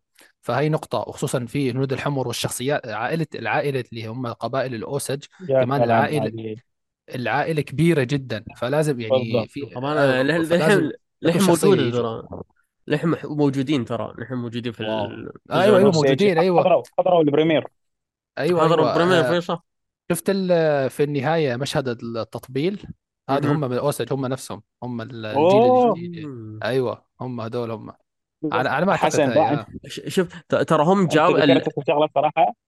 نعم. إي سامسونج. أنا كنت بقول إنه هو حتى واضح إنه جاب الم- الممثلين الشخصيات الهنود الحمر واضح إنه جاب ممثلين هم أصلا هنود حمر يعني ليلي من وغيره. واضح. هذا واضحة مرة يعني وهذا عادة. سكورسيزي يعني ما, ما يجيب شيء مختلف. مم. بالضبط. شوف آه، حسن حسن مم. أنت ذكرت شغلة صراحة جوهرية اللي هي فكرة إنه اكو عائلة واكو اسماء هواية واكو شخصيات كثير. صح فالساعة مال البناء كانت ممتازة. شوف ال ال النتيجة إحنا دائما نحصل payoff لازم نحصل نتيجة من البناء. صح. آخر مشهد بالفيلم إحنا ما رح نحرق شنو صار بالآخر مشهد بالفيلم بس حرفيا انذكرت بيه تقريبا فوق ال 15 اسم شخصية. أنا عرفتهم من 15 كلهم. أيوه أيوه حرفيا. أيوه. صح صح صح. ذكرتهم وكلهم وشنو صار بيهم وش وين مروا وشنو صار. فاكو اكو بناء واكو كتابه عبقرية ورا هذا الفيلم صراحة. عجيب يعني. نعم ميني واني ومولي و... و- وسيث وما بعرف يا شو. سلام عليك. وازواجهم واحد متزوج اثنين منهم أنا أنا سجلت أيوه كل واحد هو بزوجته وهو حبيبها سجلتهم عندي بصراحة يعني. في الأخير يعني كل شوي أطلع هيك وبعدين خلص حفظتهم يعني في الأخير يعني. إيه وجون رامزي هذاك كمان. مش بلاكي دانيال دي. لويس والله. بلاكي تومسون بلاكي أختي اخت... بلاكي اخت... بالباكي بلاكي بلاكي إيه بلاكي آه تومسون اختيار ترى اختيار الممثلين ترى رهيب. آه مو بالممثلين الرئيسيين. أوكي إحنا نعرف الممثلين الرئيسيين كلهم لكن الممثلين الثا- الثانويين صراحة كان رهيب. هذا ترى حتى من أيام The Irishman واختيار الممثلين مم. الثانويين دائما رهيب يعني لا سكورسيزي في ال- من أيام Goodfellas يا رجال. بيعرف يختار الصح الممثلين آه. المساعدين يعني. Goodfellas و Casino والله من آه قوه من قوه من قوة cast Goodfellas مخرج The Sopranos جابهم نسخ لصق حتى ما احتاج ادور أيوه جابهم جابهم كلهم تقريبا يعني. جابهم كلهم. فهي موضوع البناء آه، سكورسيزي اعطاه حقه في الكامل يعني مثل ما حكينا الشخصيات وال والأحداث في الكامل. آه، يعني ال- ال- الفيلم ممكن بالنسبة إلي آه، حكيتها في المراجعة هذا الشيء إنه هو أقل فيلم من ناحية الصدمات في مسيرة سكورسيزي. يعني أنا ما بدي أحكي إنه متوقع متوقع ممكن كلمة شوي. يعني مو ظالمة لكن مجحفة في حق سكورسيزي. بس هو عودني على رتم معين وهذا الشيء راح أحكيه في الحرق إنه عودني على سياق معين بأفلامه. أنا راح أحكي بالتفصيل الموضوع هذا. آه إنه إنه مثلا لا والله لو حكيت والله هحرق للأسف يعني. بس في في في أنت يعني ممكن تتوقع بنسبة يعني لما توصل لمرحلة معينة من الفيلم هتتوقع شو هيصير. آه كذا كذا هيصير وتطلع صح يعني متأكد 100% فباختصار فيلم جميل جدا. فيلم آه صحيح ممكن ما ادى التوقعات اللي نحن رافعينها عليه باعتبار الكاست وباعتبار المخرج وباعتبار آه يعني ال- الإنتاج وكل شيء. لكن برضه الفيلم ليس سيء فيلم ممتع فيلم سلس مر علي بسلاسة جدا بسلاسة رهيبة جدا على الرغم من ثلاث ساعات ونص. استمتعت بكل دقيقة فيه حرفيا. آه، يعني والشباب ما قصروا. يعني حكوا رأي ما بدي أضل أعيد أنا مشان ما يعني يكون الوضع ممل يعني. طيب حد اني ح... بس أيوه. شوف أنا بس أقول شغلة تعليق على شيء قلته أنا بالنسبة لي صراحة كان قد التوقعات. يعني اني أوه أوكي سكورسيزي سكورسيزي جاي من The Irishman The Irishman أنا أعتبره من أفضل خمسة أفلام سواها سكورسيزي. ف أكيد طبعا. yep. فهو يج- يجيك من The Irishman ملحمة طولها أربع ساعات. يسوي لك فيلم طوله ثلاث ساعات ونص. مم. هذا صراحة أقل شيء كنت متوقع من الفيلم أنا شفته. فالفيلم جدا أرضاني صراحة من كثير نواحي يعني. بس السلبيات اللي ذكرت إنه ما عجبتني. غير الأشياء perfection صراحة يعني. هو طيب حتى بس آه، آه، معليش وأنا وأنا وأنا قاطعك حسن. ترى حتى برضو سيد هو غير The Irishman قبل آه، أو عفوا غير Killers of Flower Moon أعتقد كلنا كنا متفقين على فكرة آه، مدة الفيلم إنها بتكون يعني مليانة أحداث كثير. لكن غير Killers of Flower Moon قبله The Irishman قبل The Irishman كان Silence 2016 هنا سكورسيزي أنا أشوف إنه قدر يقدم شيء شيء رهيب جدا. يعني هو أطول فيلم له أتوقع The Irishman صح؟ ثلاث ساعات ونص آه، نفس الشيء هم امم الاثنين Killers إيه. آه، شو اسمه لكن فيلم فيلم ترى Silence Silence كان كان أهدى من Killers يعني بمراحل بس إن القصة تهيئ إنها تكون هادية. القصة أصلا تعطيه ذا ال vibe يمكن بس إنه كم حدث لكن يعني راح ممكن يعني نسوي حلقة عن سكورسيزي نتكلم عن Silence ما ندري صراحة لكن إن شاء الله ممكن ما بتعرف آه طيب أنا بدي فقرة ال- بدون حرق بفقرة توقعات الفيلم آه يترشح لجوائز مهمة في الأوسكار. هل بتشوفوا إنه الفيلم ممكن هلا هيترشح ل best picture؟ يت... أكيد هيترشح هيكون في ال- عشرة 100% ال big five أكيد آه big five آه أكيد. آه أكيد أكيد. و director يتوقع يترشح؟ سكورسيزي؟ 100% اي 100% إيه. ترى على فكرة على فكرة على فكرة. هم نظام الأوسكار الجديد وش هو حاليا؟ حلو. آه، كون إنك ترشحت هذه الحلقة جائزه تعرف اللي هو نظام نفس رز أحمد كل ما استضافوه قال الاوسكار ال Academy Award nominated خلاص اللي هو هذا يشوفون الجائزه ترشح ألف مرة وفاز بأوسكار خلاص وش أكثر من كذا. أكيد إنهم بيرشحونه عشان يجي. طبعا ما راح يجي بس إنهم بيرشحونه عشان يجي. يعني بيقول له تعال بس ما راح يجي. شوف اني أكو أكو أكو أكو أربع أكو أربع categories ذني 100% أكو ترشيح بها The Irishman ذني lock in يعني مستحيل. اللي هي أفضل فيلم وافضل ممثله وافضل ممثل مساعد الدينيرو وافضل مخرج. ذني lock in ما أتوقع ولا اكو 1% ممكن ما راح يطلعون من عندهن. شوف تبقى أنا أفضل ممثل رئيسي آه شو اسمه ما يعني ما أنا مستحيل يفوز بها ليو بس ممكن. يعني 90% ممكن يترشح بس ما عندي ليش أحس اكو تردد حصير مفاجاه إنه ما راح يترشح ليو. أحس هيك شغلة حصير. أشوف بال Golden هو ممكن بس مترشح الباقي؟ بال Golden بال Golden مترشح. إيه. بال Golden ترشح. شوف آه على موضوع بس حتى شغله الأوسكار تدور تدور شيء تدور شيء يعني يترند وهالأمور ذني. حتى قبل الحفل. إحنا دائما نشوف الترشيحات دائما أكو قاعات تصير كبيرة. يعني مثلا العام أو اولة العام من دون ترشح ل 10 أوسكارز بس ما ترشح لأفضل مخرج. طيب كيف كيف الفيلم متفوق ب 10 أشياء بس ما متفوق بالإخراج؟ كيف وصل لذني العشرة بدون مخرج؟ فهاي هاي الحركات اللي يسووها أتوقع متوقعة فأتوقع حتوقع بليو السنة مهم. وأقول لك آه، برضو أنا أنا أقدر أقول لك إن آه، من بين التوقعات اللي أنت قلتها وأعتقد كلنا متفقين عليها أنا ممكن أقول إن أكثر شيء ممكن حتى أو أكثر توقع ممكن يكون صعب حتى بالفوز هو فوز آه، ليلي جلادستون. أنا أنا أشوف إن فوزها متوقع صراحة. دت- يب أوه، يب ممكن بالضبط آه أيوه لأنها أقلية والاشياء هاي ترى ممكن عشان والله. كذا لها عشان آه، كذا أنا يعني س- إذا إذا بدي أختار جائزة مضمونة فوز مضمون هي أفضل ممثلة مع إنه أكو ترى تناقض في السنة. هتكون أفضل يعني ممثلة مساعدة افضل طبعا. موضوع يعني مساعد supporting أي مساعد هذا أكيد هذا أكيد مم. لا جدا. لا هي بتعرف مين الدور مين الرئيسي. لا مساعدة آه مبينة يعني في بال Golden Globe في ترشحت اثنين. الرئيسي. إذا ما خاب ظني. إذا Golden حط Globe شوف شوف آه, شوف. شوف شوف هم هم حطوا هم حطوا أبطال آه فيلم. صح صح. شوف. في في في لا لا الأوسكار. لا leading leading leading أيوه أيوه leading أيوه أيوه أيوه. لي... okay leading بيحطونها هي leading لا شوف مستحيل آه مستحيل. أنا ممكن أنا بتعرف مين؟ مساعد اخواته مستحيل يترشحون ذولا. أنا بتعرف مين؟ بخاطري آه كانت شو اسمه؟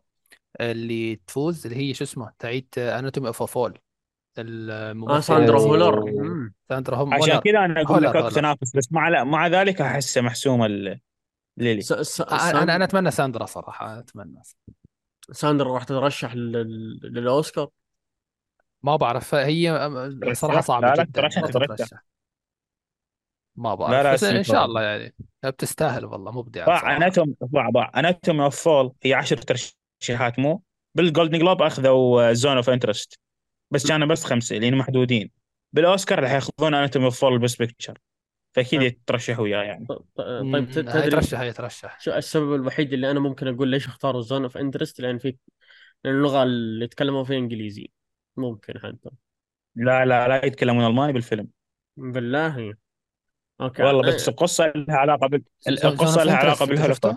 Zone of Zone of Interest ما نزل ما بس نزل. لسه آه، okay. ori- original هو هو في كلام ألماني بس ال original language English اللغة آه الرسمية ما أعرف. حتى للفيلم ال trailer ال trailer trailer الفيلم يحجون به بولندي ألماني. هي اللغة اللي كانت أيام هتلر وهالأمور ذني. آه مم. الاحداث فيلم أيام هتلر راح. أتوقع يعني هو يتكلم عن إيش هي العلاقة بالهولوكوست أو هيك والله ما أعرف صراحة. ما شوف أفضل موسيقى بالنسبة لي هاي السنة كلها هي موسيقى أوبنهايمر. لأن هي أكثر شيء دا اسمعها أصلا بشكل يومي يعني. okay. بس بس آه الموسيقى اللي أنا شفتها. الجديد يعني. سبايدر مان. لا سبايدر مان أفضل أغنية أغاني. لا بس Across ك- Spider-Verse. والله يا أخوان. لا. يا هذا لا، ال OST ات فيه خرافية. أي آه اكو OST. واحد بس. Spider-Verse دا اسمع بشكل دائم يعني بس الباقيات لا ما أسمع. أسمع الألبوم مال Metro Boomin ألبوم خرافي. بس ك يعني soundtrack مو هواي بس اوبنهايمر و Killer of Flower Moon هذول أفضل OST ات اثنين فيلم يعني من أفلام 2023 فأتوقع أكو ترشيح أيضا للموسيقى. شوف هو الفيلم أنا- بكل. category تقدر تحطه وينجح مم. صح صح حرفيا يعني. حتى المونتاج حتى الأشياء هاي. أو المونتاج عاد هذا هاي أكثر أكثر بني آدمية ترشحت للأوسكار هي ال هي ال- ال- ال editor مال أفلام سكورسيزي. أكثر يمكن. editor ترشح للاوسكار آه تستاهل. صراحة. والله عجيب الصراحة. يعني تاخذ قصص وأفلام بهذا الحجم وتسويها edit ترى شيء. عبقري يعني. طيب آه، أوكي.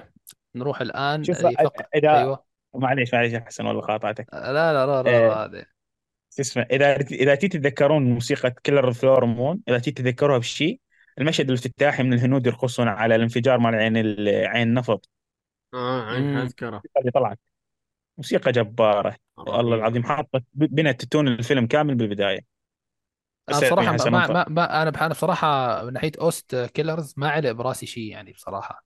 ها. يعني يعني ما في شيء ما حسيت في شيء مميز. ممكن أنا ما كنت مر... ما بعرف. آه آه لا أنا عندي. حذكرك حذكرك حذكرك ب OST وقت فقرة الحرق لأن هو طلع مشهد مصيري يعني. خلاص أوكي إن شاء الله. لو تذكرت. شكلي شكلي عرفته. والله شكلي عرفته. اسلم.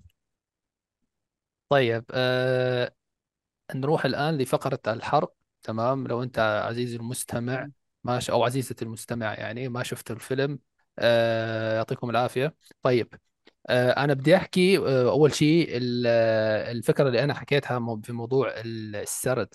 يا إخوان بكل أفلام سكورسيزي في صعود وهبوط بشكل واضح جدا. تمام. yep. في خصوصا في Goodfellas Casino آه بعيدا عن Departed آه شو اسمه The Wolf of Wall Street Irishman Killers of Flower Moon دائما بيكون في شخص بيحاول يبني إمبراطورية حوله وغالبا ما تكون الإمبراطورية هاي مخالفة للقانون ضد القانون تمام yep. وفي الأخير تتدخل ال FBI آه صح كلها صح صح. دائما. دائما دائما ال FBI تخرب كل شيء. أيوه تدخل ال FBI وبتخر يعني يعني ال FBI صارت شخصية من شخصيات أفلام سكورسيزي حرفيا. اكو تبرير منطقي لهذا الشيء. إنه قصص حقيقية بس. آه لا إنه قصص حقيقية عن إجرام. عن عن. إجرام. أيوه أصلا. أيوه أيوه. آه. يعني دائما نتكلم عن قصة آه، ماكدونالدز ولا ب- إيه. بس تلاحظ شغلة. الابيض تلاحظ شغلة. في كل الأفلام اللي ظهرت فيها ال FBI في أفلام سكورسيزي اللي ظهرت فيها ال FBI يمكن فيلم Killers ال FBI هنا ما كان يفرق معهم اضعف أهمية. أضعف شيء صار بأفلام سكورسيزي كامل غير غير أضعف. مم. هم ما كان يهمهم أصلا إيش اللي قاعد يصير القبائل الاوسج يعني الفكرة الرئيسية هذول يسرقون النفط اللي موجود هنا. هذا المجموعة هذه تسرق النفط الموجود هنا.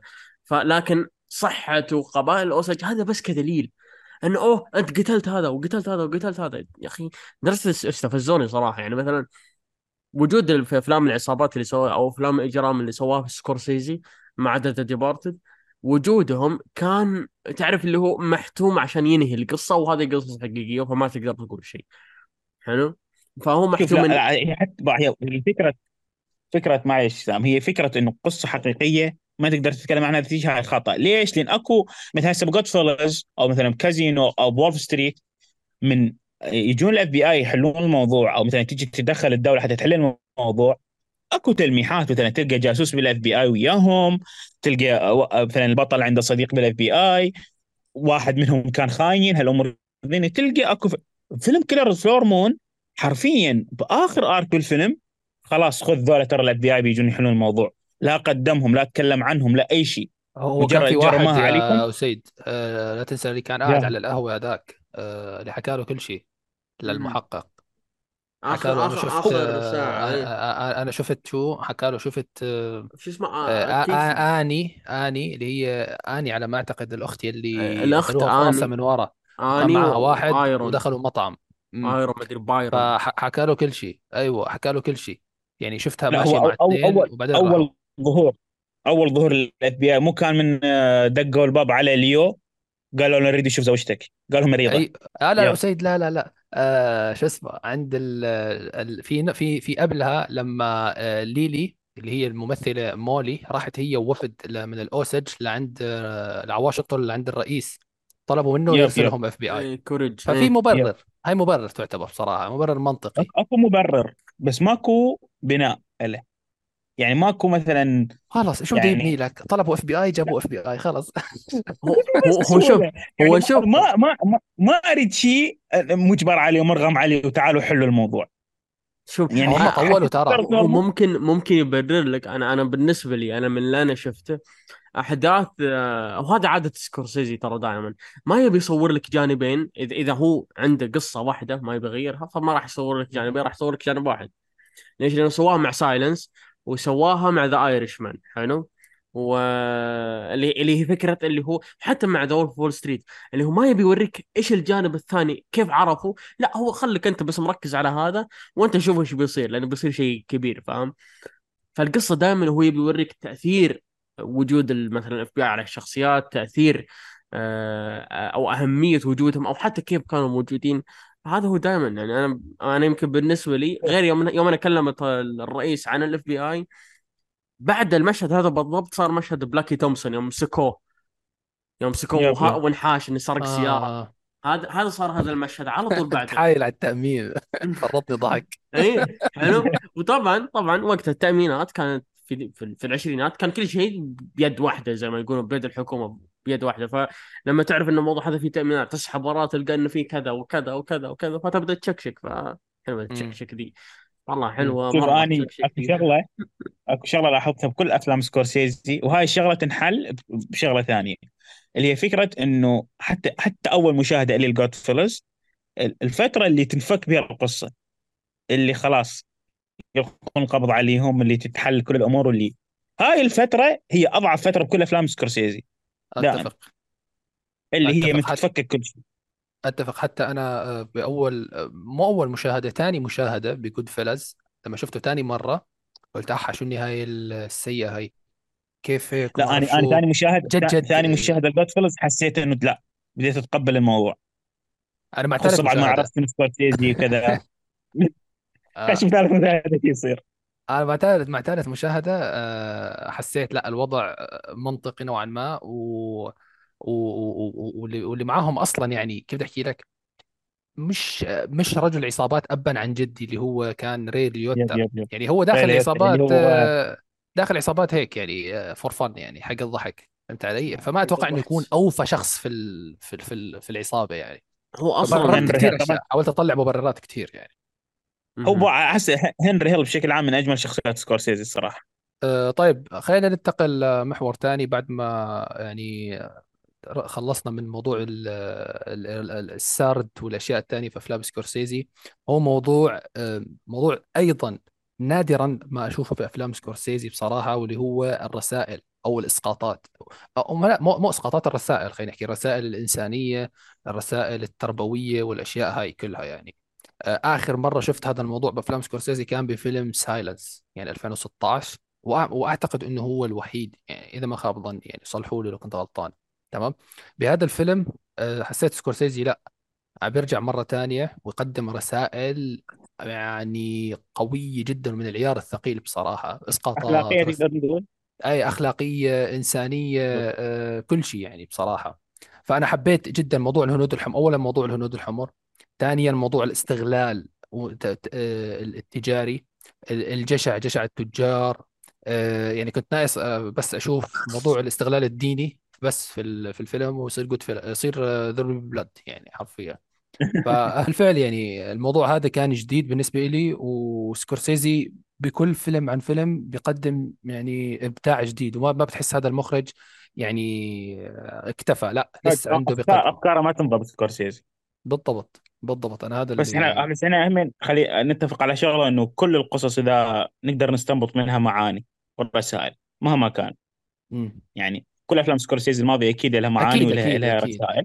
أكيد. بس نقدر نقول الفيلم الأخير هذا إنه هي ممكن أوضح شيء أو يعني كان أكو قصد معين من سكورسيزي إنه يوصل هذه الرسائل والمعاني يعني عن مثل ما قلت أنت عن الأفكار اللي قلتها وأيضا عن فكرة مثلا التاريخ الأمريكي واضطهاد الحمر والرجل الأبيض وكيف بنى بنى التاريخ الأمريكي على هذه الدماء وعلى هذول البشر اللي اضطهدوهم. وفكرة بالضبط ثانية من طرح سكورسيزي هنا إنه كيف إنه الأوسيج هم أصلا ما كانوا من القبائل المعروفة عندهم الهنود الحمر، ما كانوا من ال top four عندهم، أها ولكن بعد النز... النزح اللي صار لهم بالفيلم آه، عفوا بالتاريخ مالهم صار عندهم نزوح واضطر اضطروا ينزحون لهاي المنطقة. فسبحان الله هاي المنطقة طلعت جواها بئر نفط.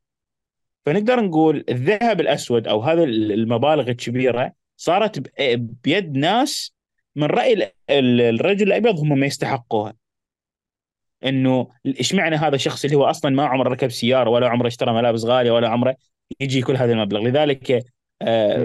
بداية الفيلم من أول ما طلع تعريف من هم قبيله الأوسيج بعدين طلع إنه كيف ال- الأبيض يتودد للهند الحمر صح إنه صح والله عندي فلان شيء تعالوا اشتروا والله يعني يدري به هو ضعيف آه، خبرة وضعيف عقل إنه ما عنده ذيك الخلفية إنه فلوسه وين ممكن يدفعها. فتلقى هنود حمر واحد منهم عنده مثلا سيارتين هو ما يحتاج بس وحدة أو هالأمور ذني.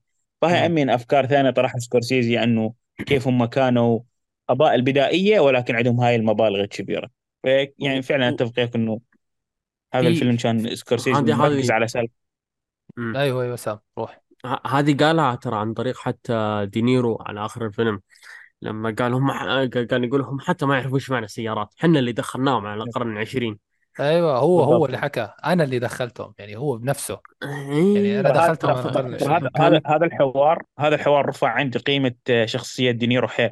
مبرر كبير له إنه كان ليش شخص يرى نفسه بهذه العظمة والسلطة؟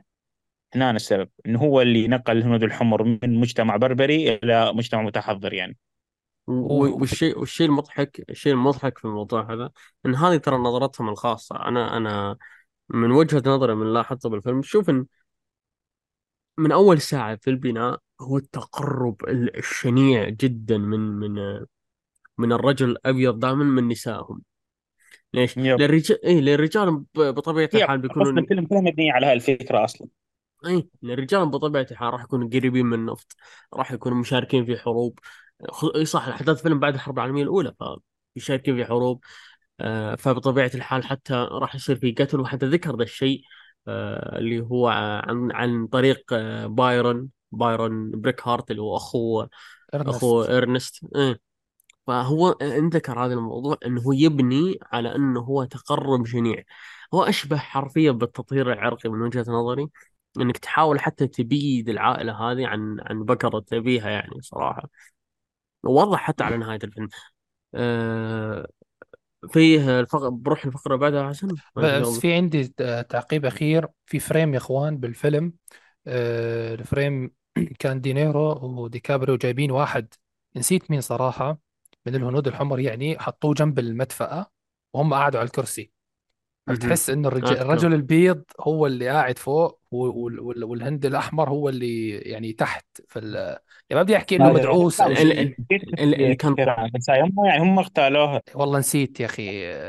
والله ما. نسيت بده ريواتش أتوقع أتوقع آه واحد من المحقق اللي جابت آه اللي جابت آه مولي. لا لا لا والله. مش مش هذاك الدب. أبو؟ شنب. وا- واحد تاني. واحد يعني آه، واحد ضعيف. تاني. واحد تاني كان- ضعيف. كان. اللي هو ال- الهندي الأحمر اللي اللي كان آه، اللي ضرب على رأسه ضرب على رأسه من ورا وطاح وقتلوه ما ما أنا متأكد. ما, ما- بدنا نطول كثير في النقطة هاي. المهم يعني باختصار إنه الفريم كان يعني جبار جدا والله بصراحة كان هي في فريمات اختصر الفيلم. كله حرفيا. في frame frame آه، ثاني بعد جبار. أيوه. هو اللي في اللي, اللي بالي هو من هو اللي في اللي لحظة اللي كانوا آه، بعد ما اجتمعوا لهم شو اسمه الهنود الحمر حتى يتفقون منه يرسلون لنيويورك. كانوا آه. يحجون إنه هذا أسوأ رجل ابيض وهذا. ومن جالس بينهم دينيرو. جالس بينهم دينيرو وليو هم يتكلمون عليهم. ف يعني شلون الاقتباس can you see the wolves in this picture هذا هي حرفيا هنا صارت. الذئاب بيناتكم قاعدين وأنتم غافلين حرفيا. عنهم. في هذا هذا الشيء المضحك يعني في الموضوع هذا حتى لو يوضح شخصية قبائل الأوساج إن إن هم مسالمين جدا. حلو؟ وهذا وضحها سكورسيزي برضو إنهم مسالمين جدا. في frame وبنذكر ال frames ات اللي هو ال frame آه، لما حرقوا آه، المحاصيل. لما حرقوها وجلس تطلع النيران قدام قدام الناس اللي كانوا يطفون النيران. يعني انت ما تشوف ما تشوف من بدا يحرق بدأ تشوف ال- الانعكاس مال النار إنه كيف كانت تتموج يعني من الحرارة. بالضبط. frame المشهد. هذا المشهد هذا ذكرني بفيلم Days of Heaven ويوم والله عليك نفس تفكيري بالضبط. ويوم يوم بحثت طلع إنه فعلا سكورسيزي مقتبسها من فيلم Days of Heaven كانت الفكرة ال frame نفسه ماخذها من Days of Heaven أصلا. سكورسيزي ترى هو ك... هو أصلا مسوي قائمة على على حسابه على ال Letterboxd يعني عنده حساب. مسوي قائمة على حسابه على ال Letterboxd على الأفلام اللي أثرت فيه لما سوى أسلوبه أسلوبه آه. السردي في Killers حلو؟ القائمه حتى موجودة عندي بس يعني موجود. Days of Heaven بينهم؟ موجود Days of Heaven بينهم. أوكي. يا آه، سلام. طيب آه خلينا ننتقل للمحور اللي بعده. وهو اللي هو محور آه الشخصيات.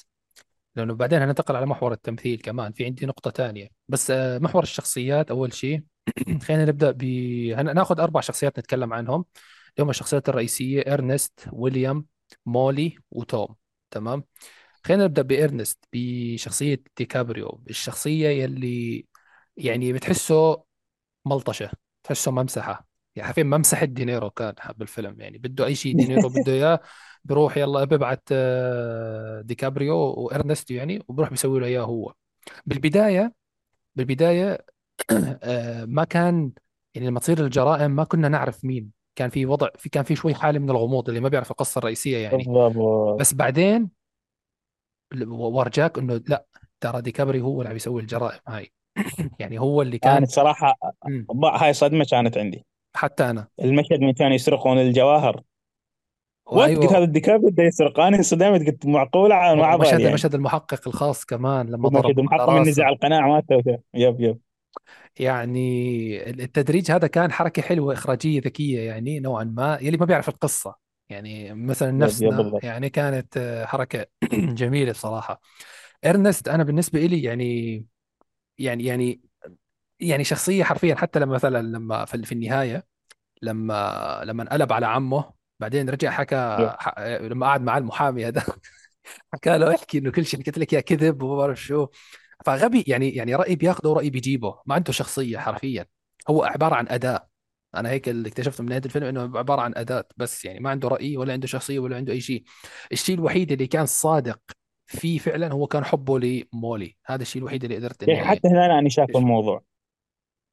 حتى فكرة حبه لمولي والتصرف اللي بيسويه إنه آه يمكن يمكن بس له آه كمل يمكن له كمل. شخصيه يعني والدليل والدليل اللي خلى إنه أنا أشوف هذا الموضوع اللي هو الدوا اللي كان ينطيه إياه.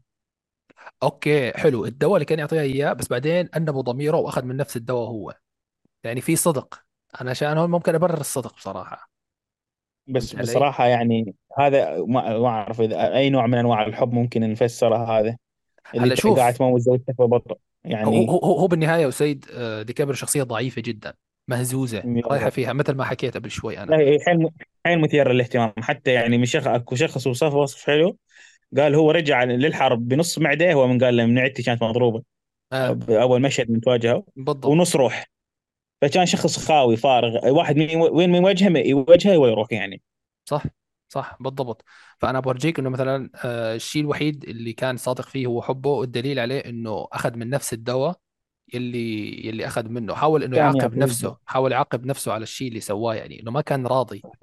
لأنه دينيرو كان عم بيحاول يقنعه وحتى اقتبس له جملة من من الكتاب المقدس يعني إنه المعجزات انتهت وما راح تصير معجزة. ونحن راح نستولي على الأرض. يعني بحاول يلمح له إنه بالنهاية الأبي رجل الأبيض راح يفوز يعني. بالنهاية هم ضعفاء وراح ينتهوا يعني. وهذا الشيء اللي صار للأسف يعني. فموضوع حتى نظرات آه. آه، لي نظرة آه، دينيرو اللي هو ويليام هيل. هو كان نظرته حتى نظرة دونية اللي هو كا حتى بانت في هذا الفيلم إنه تفضل منه على آه، اللي هو العرق الثاني. شوف هسه إحنا وحتى هسه أنا جيت جيت أوضح شغلة بالضبط أنت كلامك مضبوط بس جيت أوضحها من ندخل بشخصيه شخصية دينيرو بس ما دام أنت فتحت هذا الموضوع إحنا خلاص دخلنا بالشخصية أيوه دينيرو. مهم.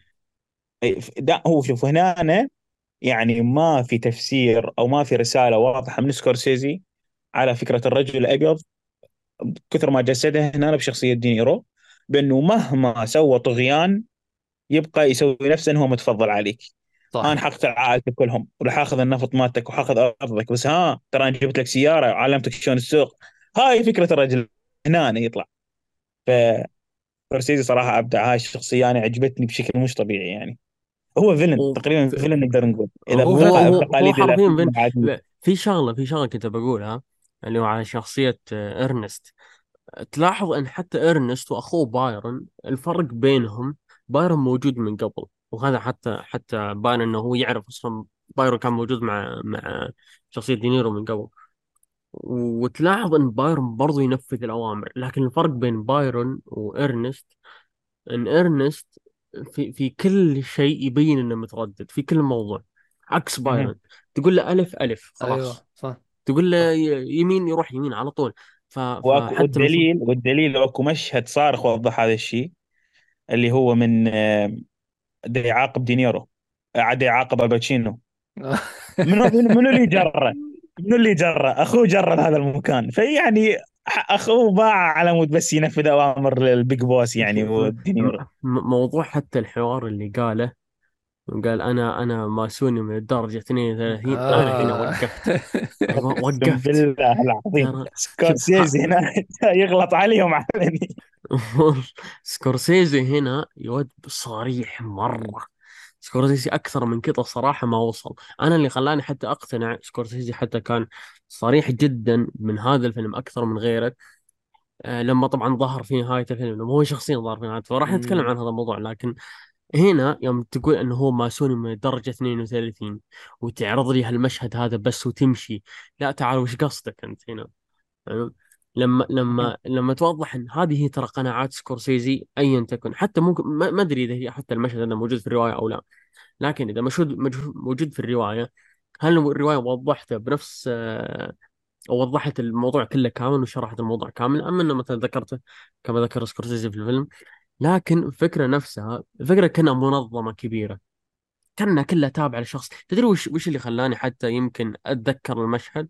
اللي هو المشهد الثاني لما اعتقلوا آه، دينيرو وجت محاكمة آه، اللي هو ديكابريو إرنست. لما جت محاكمته وش جاء جاء المحامي اللي هو شو اسمه الممثل بريندن فريزر جاء وجاب معه ناس.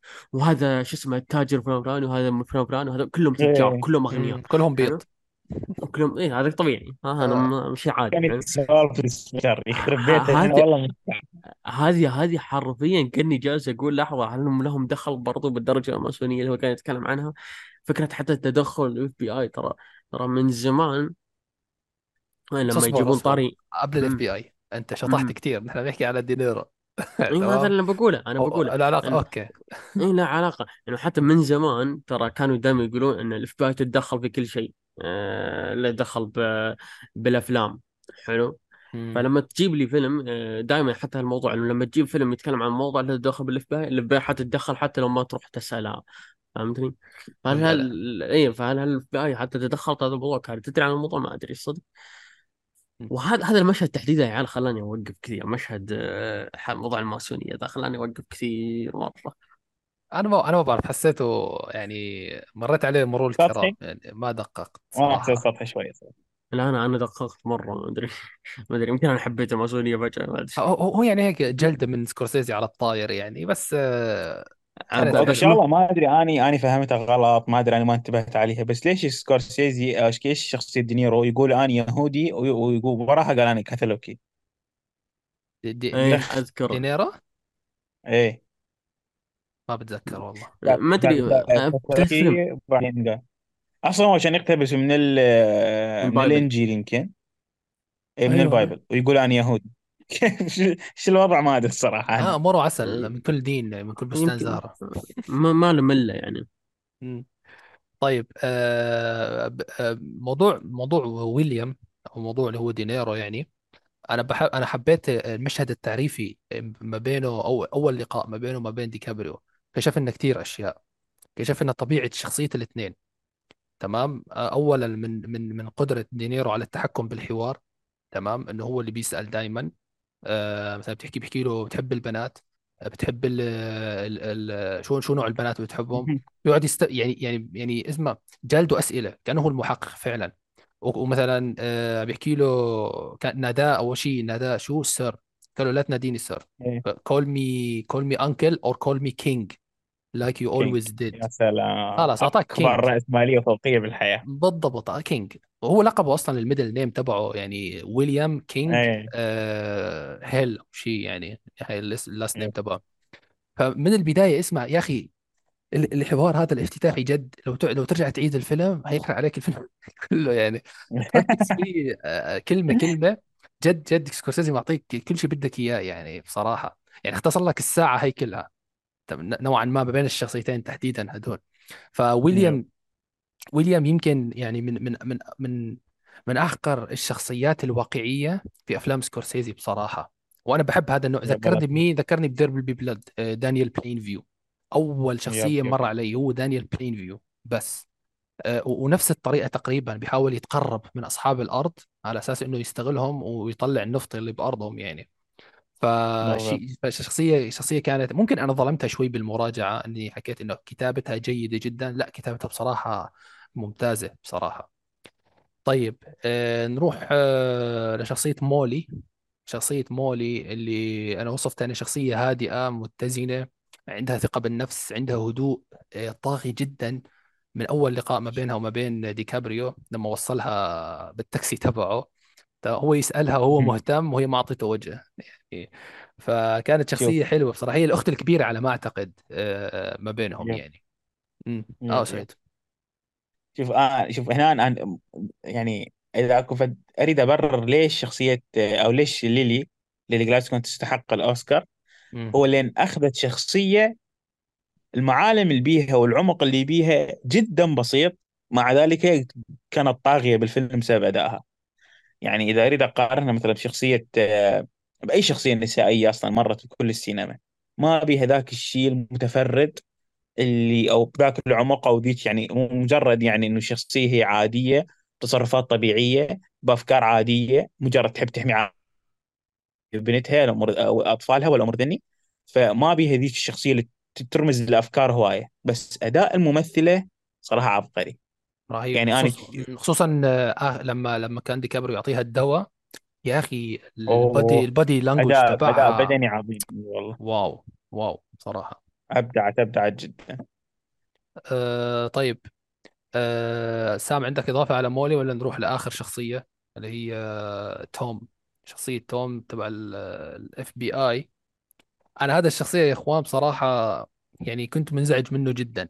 صح كنت رافع توقعاتي والله ما عليه. نغثني أنا أنا كنت رافع توقعاتي جدا يعني جيسي بليمنز هو صح مش أفضل ممثل في في العالم لكن يا أخي أفضل ممثل بالتاريخ اختار أدوار مستحيل ما في آه. مم- مخرج عانى وما اشتغل وياه آه ما شاء. الله بس شوف عجيب عجيب أنا أنا أنا هذا اللي, اللي كرهني فيه إنه شخصيته كانت بسيطة جدا آه، ما في أي تعقيدات آه. ضابط إف بي آي عادي جدا باعته جداً. جاي ادجار لا نسيته مو بس طبيعي أيوه يعني كان مخيب للظن بصراحة. كنت متوقع منه يعني آه، مشاهد أكثر نوعا ما هو اجى آخر ساعة من الفيلم تقريبا يعني اجى يلملم ال- الدنيا. تمام؟ آه، ممكن شوف أنا حاولت أبرر التبرير الوحيد إنه ليش هو بارد. بعيدا عن شخصيته الباردة في الحقيقة يعني إنه هو شخصيته في الفيلم بارد إنه ال- ال- الضحايا هم هنود حمر وليسوا بيض. فمشان هيك ما كان آه. مهتم يعني. أنا هذا التبرير الوحيد اللي لقيت له إياه بصراحة يعني ما ما قدرت تدري اني شنو اللي عزز التبرير مالتك؟ شو؟ آه مولي من راحت تحكي ويا الرئيس. امم. بعدها ما كملت حكي والرئيس سلك لها وراح. فيعني أيوة، يمكن آه، حتى ثلاث أيام رسلهم رسلهم بدون نفس. بالضبط يعني وحد يعني آه يعني هو ارسل له يمكن أربعة أو خمسة بس يعني خمسة رجال وهم. سووا ال- الموضوع هذا. آه، آه، أنا توم كمان يعني في حدث صراحة هون كانت صدفة نوعا ما. ما بعرف هل نسميها صدفة ولا ما بعرف ما بدي اكون ظالم للفيلم لما لقى هذاك الشخص اللي كان قاعد على ال- في الكوفي أو في القهوة هذه اللي كان قاعد فيها وحكى له كل شيء. إنه حكى له أنا شفت ال- هي حكينا النقطة هي يعني قبل شوي نحن. آه فما بعرف هي ممكن تكون صدفة في السيناريو. بس أنا سلكتها بصراحة اعتبرتها إنه خيط يعني كأنه خيط ليد في الأخير يعني. أو أو أو فكرة إنه مثلا كان يبحث يبحث يبحث وطلع لك بس النتيجة. بالضبط يعني هو ما خلى حد ما ما حكى معاه حكى مع الكل يعني حكى مع دينيرو دي كابريو حكى مع الكل. هو ب- بس مع بالضبط. الوحدة اللي ما حكى معها مولي لما كانت مريضة يعني هي بس مريضة بالضبط. اللي ما حكت معها آه طيب هيك فريزر؟ مين.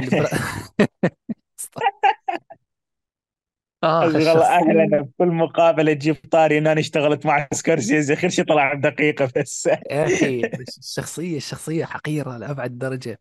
يعني إيه المحامي. المخادع الأبيض الحقير لكل شيء كل شيء هيك هيك خسيس يعني ندل ندل جد والله ندل خسيس وهو والله مستفز الممثل. أنا يعني الباك ستوري مالته تقهر وهاي بس يعني يستفزني. من فيلم مامي هو مستفزني. فعلا فعلا يعني ممثل يعني على الرغم من الدقيقتين هذول اللي سواهم كان جيد جدا بصراحة يعني. بكرة برشحوا له الأوسكار سبورتنج إنه. هو اعطاه اياه ذوي خلاص الصماء آه. طيب آه بعد ال- الشخصيات آه اللي هو التمثيل. أنا أنا برأيي أنا برأيي وهي حكيتها كمان يعني كثير إنه التمثيل كان نايم بالفيلم بصراحة. إلا شخصية ديكابريو. هو الوحيد اللي كان مقضيها انفعالات مقضيها صراخ طول الفيلم وهو أخي هذا أكثر واحد اقنعني أيوه أيوه ديكابريو ديكابريو طبعا. والله بعرف أنا ديكابريو بالنسبة لي اللي خلاها هالشعبويه غير إنه أختي إنه مثلا وسام تمي كان مراهق وياخذ أدوار رومانسية بين انشهر جدا خصوصا عند النساء. بعدين من التعاون مع سكورسيزي بس يعني خلاص مو كل شيء الانفعالات. يعني أني بهذا الفيلم بديت أحس إنه ليو بس اللي يقول تعال شوفوني أنا ليو شلون أمثل تعال شوفوني. مم. اللهجة بديت احسه قاعد يفتعلها اللكنه أوف رهيبة رهيبة. وتعابير وجهي حيل احسها مبالغات فاكو لحظات شوية يستفزني يعني يفصلني يفصلني ليو خاصه بهذا الفيلم. يعني اكو أكو اكو أكو لحظات أحس ليو دي كابريو دا يفتعل يقول شوفوني شلون دا أمثل. عكس دينيرو. أختلف. والله. عكس عكس دينيرو اللي حرفيا يسلطن بكل مشهد يجي أداء يتكلم عنه. مو أجي والله تعال شوفوني. أنا يا أخي دينيرو دينيرو كان دينيرو في الواقع أنا هيك حسيته. يعني شفت له كذا مقابله لا لا لدينيرو؟ لا نفسه آه بالفيلم صراحة. صراحة. يعني صراحة نفسه لا والله. hey what's your name? You like girls? أنا اختلف يعني عادي. شوف. typical دينيرو بصراحة. التعابير شوف تعابير تعابير آه، دينيرو خلاص أنا احس بعد عضلات وجهه انتهت ما يقدر يحرك شيء. بس بس آه، يعني كمجهود بال... ك... يعني أنا صدمني صدمني يعني. يا رجل هذا ذاك اليوم كان مسوي هذا الفيلم مال ديرتي جراندبا وجزء مدري كم. يعني خلاص بايعها كان دينيرو. اي شيء ينطي فلوس يروح بيه. يلا. بس من يجي بس من يجي بس بس التعاون مع سكورسيزي يعني حتى أنا أداء أفضله على أداء ذا ايرشمان أفضل. هنا؟ علي. أختلف معك. متعوب علي في الدور متعوب علي. طب أنا بدي أعرف شو شو المشاهد اللي فصلتك من أداء ديكابريو؟ لو متذكرها يعني. آه ال- ال- آه، المشهد الافتتاحي اللي أنت قلت عليه اللي طيب. كيف إنه دا أول مشهد هاد تعريفي. أي مغصني؟ والله مغصني ليو غريب. حيل يبالغ حيل يبالغ أنا يستفزني غريب. الصراحة من من هالأمور ذي شو شو أنا أنا بالنسبة لي ديكابريو دينيرو كان بالفيلم ما كنت متوقع انهم بيقدمون اداءات عظيمة. ما. هو ما هو تقليل منهم لكن بس والله لا- ولا قاطعك يعني ولا اداء بالفيلم أقدر يعني من ال top four أو top three ولا واحد بيهم أقول عليه اداء أقل من ممتاز كلهم. يعني هو تتابع فيلم تتابع فيلم حتى تلقى التمثيل وإنتاج بهاي الجودة. تقول عليه فيلم ممتاز. ما بيهم شوف واحد إداء ضعيف أبد. شوف الصراحة يمكن دينيرو وديكابريو أنا كنت يعني اللي هو ما راح أتوقع شيء كبير زي ما تقول. آه بس إن إن عجبني أدائهم لكن في بعض المشاهد ديكابريو تحس إنه جالس يجهم بوجهه فاهم؟ يعطيك بس ال... ال- النظرة نفسه يغض يغمض النظرة يعطيك ما ما في أي فائدة غير كذا آه شو اسمه آه ما ما حسيت إنها مشكلة كبيرة. هي بس مرة واحدة أعتقد اللي هي فصلتني. غير كذا كشخصية نفسها ممكن تركيبة الشخصية فهمت بهذه الطريقة. شخصية آه، نفس ما شرحنا قبل شوي بدون ما نطول في الكلام إنها شخصية ما ضعيفة شوي هزيلة فمهزوزة. فيمكن هذه تركيبتها. دينيرو دينيرو كان هو ماخذ دور ال- ال- المحقق والآمر الناهي في كل شيء. فدائما آه، هو اللي يبدأ الكلام في بداية آه، كل مشهد. أو حتى لما أحد يرد عليه الكلام هو يبدأ الكلام بسؤال. أو لما يبدأ حواره يبدأ بسؤال. فالتركيز بهذه الأمور أعتقد وضحت شخصية دينيرو أكثر. تمثيلهم كان رهيب بس أنا لو بعيد الفيلم مرة ثانية عشان تمثيل ممثل واحد فهو عشان ليلي جلادستون. تمثيله كان جدا جدا جدا خارق أنتم أضفتوا عليه قبل شوي وأنا راح أزيد أنا عن الكلام شخصية جدا مم. عظيمة مم. okay يعني نتفق إنه ما في أداء سيء أو ما في أداء عادي إلا أنا بالنسبة لي بشوف دينيرو أداؤه كان عادي بصراحة يعني. أنا تبي الصدق أنا كنت متوقع أكثر من جيسي بليمنز بس إنه مم. ممكن لا أنا جيسي بر level ثاني. يعني level ثاني نص الشخصية ما. ساعده ترى نفس الم- الموضوع مع مع The Irishman صار. في ممثلين جابهم دينيرو لو يجيب أي ممثل عادي ما راح تفرق. يعني لو يجيب حتى أي ممثل شاب ما راح تفرق يعني.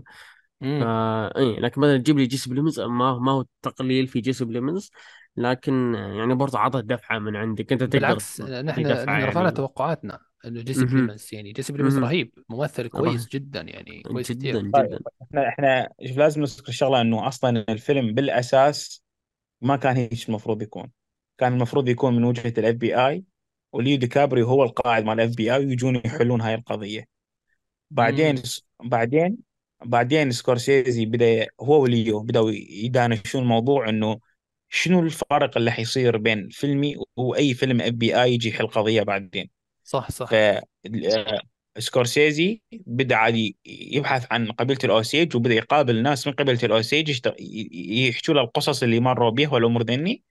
فعلى طول غيروا السكريبت كامل. تخيل ترى هذا الشيء يعني يعني فيلم جديد صنعوا فيلم جديد. لا خطوة ناجحه وخلوه من وجهة نظر الاوسيج وال FBI هو الجزء الثاني بالموضوع. فيمكن هاي هاي هاي التحويلة خلت ضعف سالفة ال FBI بنهاية الفيلم.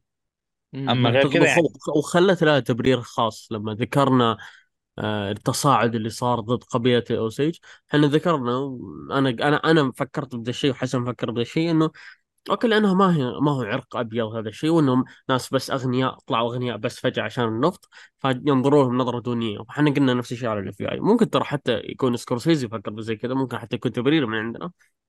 بس أنا شفت ترى هذه حركة أصلا ذكية بحد ذاتها. لهذا السبب قلت لكم إنه الرواية تستحق تت- تترجم وتقرأ لأن ممكن الرواية كانت من وجهة نظر ال FBI فعلا. وإنه سكورسيزي بالبدايه بدأ بها حرفيا نفس الرواية بعدين سوى ال shift لها وغيرها يعني. طيب. آه خلصنا هيك التمثيل. نروح الآن لآخر محور عندنا اللي هو آه هل مارتن سكورسيزي هو أفضل مخرج يعالج القصص الحقيقية؟ في التاريخ. من المنافسين. اي هو يا. بطل سبيلبرغ. هاي. حلو. في قصص غير بروباغندا ها دعابة دعابة هاي nice one nice one لا, لا لازم حتى ال editor منو يا ايمن تجي يحط ترى دعابة وعلامة حمراء ترى ما نقصد. آه، آه، آه، مالك لا جد. الصراحه مين مين في- حاليا إيه، أنا ما في بالي لا احد لا لك عبر. التاريخ حتى عبر التاريخ إيه، عبر التاريخ ها عبر التاريخ ها إيه. يعني عندك شو اسمه رون هاورد دائما يسوي أفلام عن قصص حقيقية رون هاو- اللي شوف- آه، شوف شوف رون هوارد ممكن صح عليك لا، رون Back و. ذا واي ما هو ذا واي باك من كان؟ الفيلم الفيلم آه، هو رون هاورد تاع ذا واي باك أتوقع رو- هو- شوف شوف هو رون هوارد وفي الثاني شو اسمه باري ليفنسون ياخذ من قصص حقيقية بس أعتقد إنهم كانوا بس يضيفون آه، عليها شو اسمه جوانب شو اسمه لحظة لحظة هذا الأمريكي اللي سوى لنا الحلقة مال ثلاثيه فيتنام. أوليفر آه، أوليفر ستون. ستون. مم. أوليفر ستون. بس والله يا- أخي. هذا جد أوليفر كله ستون كله يكتب قصص صراحة. حقيقية هذا صح. إيه، يكتب يكتب بس يسوي تقيات بعد. صراحة ما شفت مم. الأعمال كثير. بس ما أعتقد من وجهة نظري سكورسيزي ياخذ ياخذ ببعد إخراجي. يعني عندك مثلا The Aviator يا أخي قصة سكورسيزي يسوي ملاحم. يسوي لك فيلم ب- كبير تاخذ نظره كبيره عن الموضوع. بغض النظر عن الدقه هو هو غير هو غير كذا فيك للحقبة اللي هو يريد يتكلم عنها. شوف هو غير كذا غير كذا هو هو يمكن وقع في خطأين خلنا خلنا نقول صريحين هو يا إما إنه يقع في خطأ القصة الحقيقية نفسها يا إما إنه يغير فيها تغيير جذري آه، أو يضيف شيء من عنده يعني نفس Last Temptation والناس كرهوا Last Temptation أو إنه يسردها زي ما الناس هي. حبوه أنا اكرهناه لا ال- الحين حبوه لكن أول ما نزل كلنا كارهين. والحين. كارهينه يعني صراحة هو مكروه. لكن زي Last Temptation اللي هو قالب درامي لكن قصة غير حقيقية وهي قصة أصلا ما ينفع إنها تنقال حتى. أو إنه إن أو إنه يصير قصة حقيقية 100% حلو. قالب درامي خفيف لكن هذا بيطلع وثائقي زي كوندون حلو. فهنا سكورسيزي اختار انه يس- يسلك مسلك الإخراج حلو. هو أخرج تحف من قبل حتى كوندون ومن قبل حتى Last Temptation أعتقد كان Raging Bull واحدة منها كان Raging Bull وقصة حقيقية يعني سيرة ذاتية.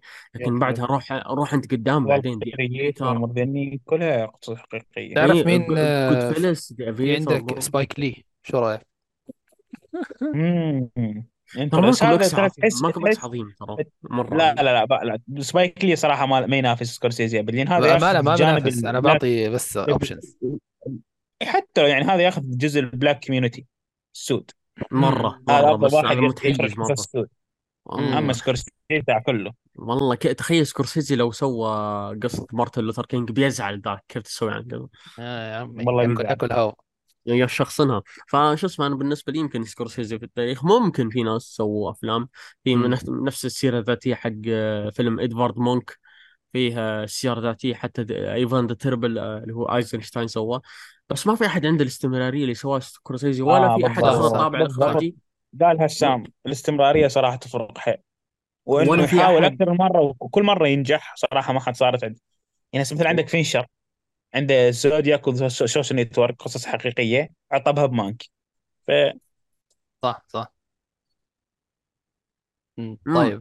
إن إن إن شو اسمه يعني بس إنه ما أخذ الاستمرارية ولا حتى أخذ الأسلوب الإخراجي. إذا في ترى أنا الشيء الوحيد اللي شادني طول الفيلم هو إخراج الفيلم. كان مرة رهيب.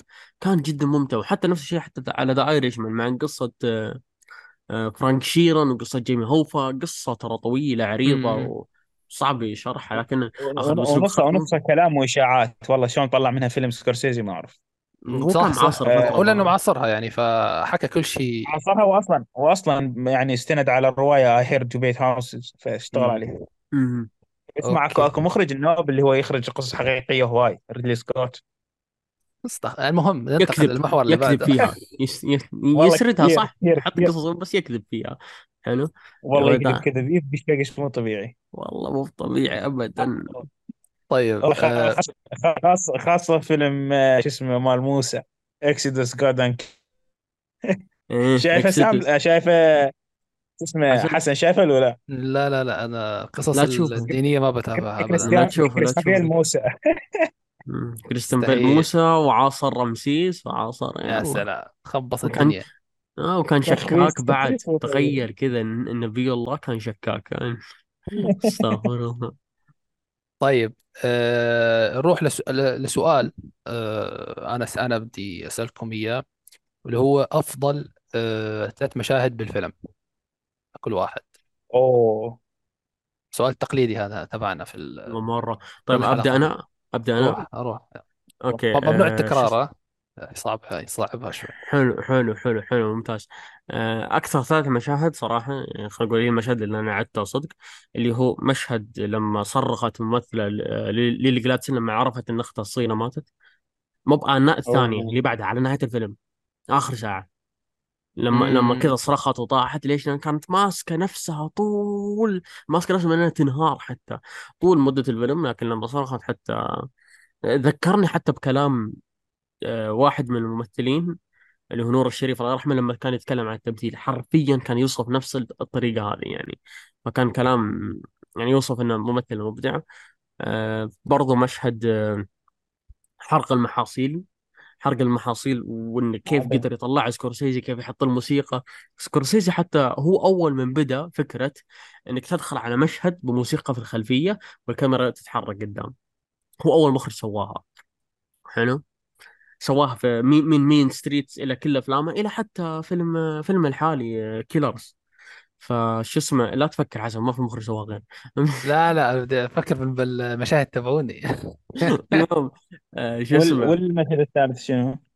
المشهد الثالث اللي هو لما كذا كان كان إن ليلي جلادسون وديكابريو كذا كانوا رايحين ينامون فجأة بوم آه ليش؟ هذه. مشهد الانفجار من قلب هذه هذه يا عيال يعني ياهو ياهو ذكروني بيه ياهو. لما انفجر بيت أختها. البيت بيت اختها جنبهم. أوه. هذا المشهد يا عيال حلو. أنا بس أنا كنت أنا أنا فطسني ضحك صراحة. أنا أنا أنا اللي لخمت ليش حلو؟ كان مشهد طبيعي جدا جدا طبيعي. فجأة بوم. ولما نزل بالكاميرا لما نزل مم. أنا ضحكني بيه اللي يوم مسوي نفسه متفاجئ. بالضبط صدق بلا حطها دي مرة دي ما أدري ليش. الله. شوف لا الشيء اللي ال- الشيء الرهيب يوم قدر سكورسيزي قدر يقيس قدر يخليها لها موازنة حلو؟ إنهم قدروا ينزلون يروحون للمكان نفسه حق آه، تأثير الانفجار ويشوفون الضحية كان قدر إنه يخلي الكاميرا نفسها تسير بمسار مناسب ويخلي نفسه أنا كمشاهد ما حسيت ان كان في لخبطة في المكان يعني. فهذا صراحة من المشاهد الثلاثة الرهيبة.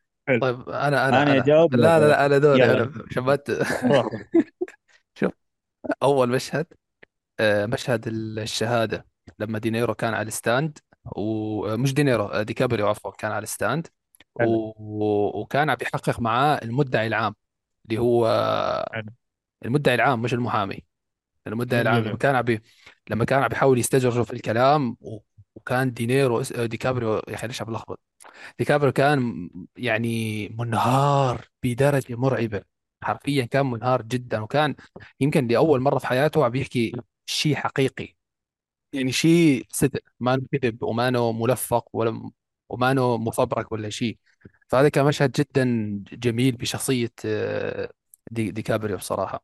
المشهد الثاني هو آه، مشهد آه لما ديكابريو تعاطى أو شرب الدواء اللي حكينا عليه قبل شوي شرب الدواء تبع مرته. حلو هذا مشهد كان رهيب جدا بصراحة وأثبت آه، إخلاص حبه ل آه، لمولي. صراحة مولي. هذا أيوه جدا أنا عجبني.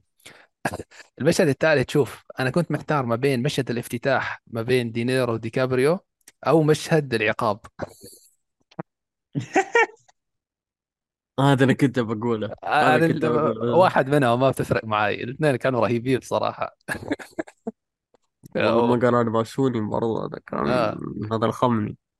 طيب يلا بسيط طيب أني أجمل مشهد عندي مو أجمل مشهد من ال top 3 امم اللي هو المشهد الافتتاحي من آه، انفجر عين ال- آه، النفط وهم جاي يرقصون جواها. أوه nice. إنه إنه كيف يعني أنتم هذا الذهب الأسود بس هم هبل ما يعرفون جالسوا يرقصون وأغانيهم ويطبلون هاي ال- ال- المشهد الأول المشهد الثاني ما أعرف إذا أقول كل مشاهد الاغتيال اللي صارت أو رهيب مثلا آه. إذا أنا أحدد مشهد واحد بكون آه، هذا صاحبهم اللي كان باكتئاب آه. الموتى مالته اللي كيف اغتالوه هذا كان له آه. آرك كامل يعني هذا اصبر أي. واحد. ترى شخصية صراحة يعني احس أحس الناس يعني آه بالسيارة. من جالس آه. يشرب و...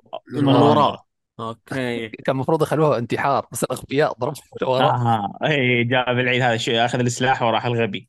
مشاهد الانتحار صدق رهيبة أو مشاهد القتل عفوا صدق كانت رهيبة. جميلة جميلة.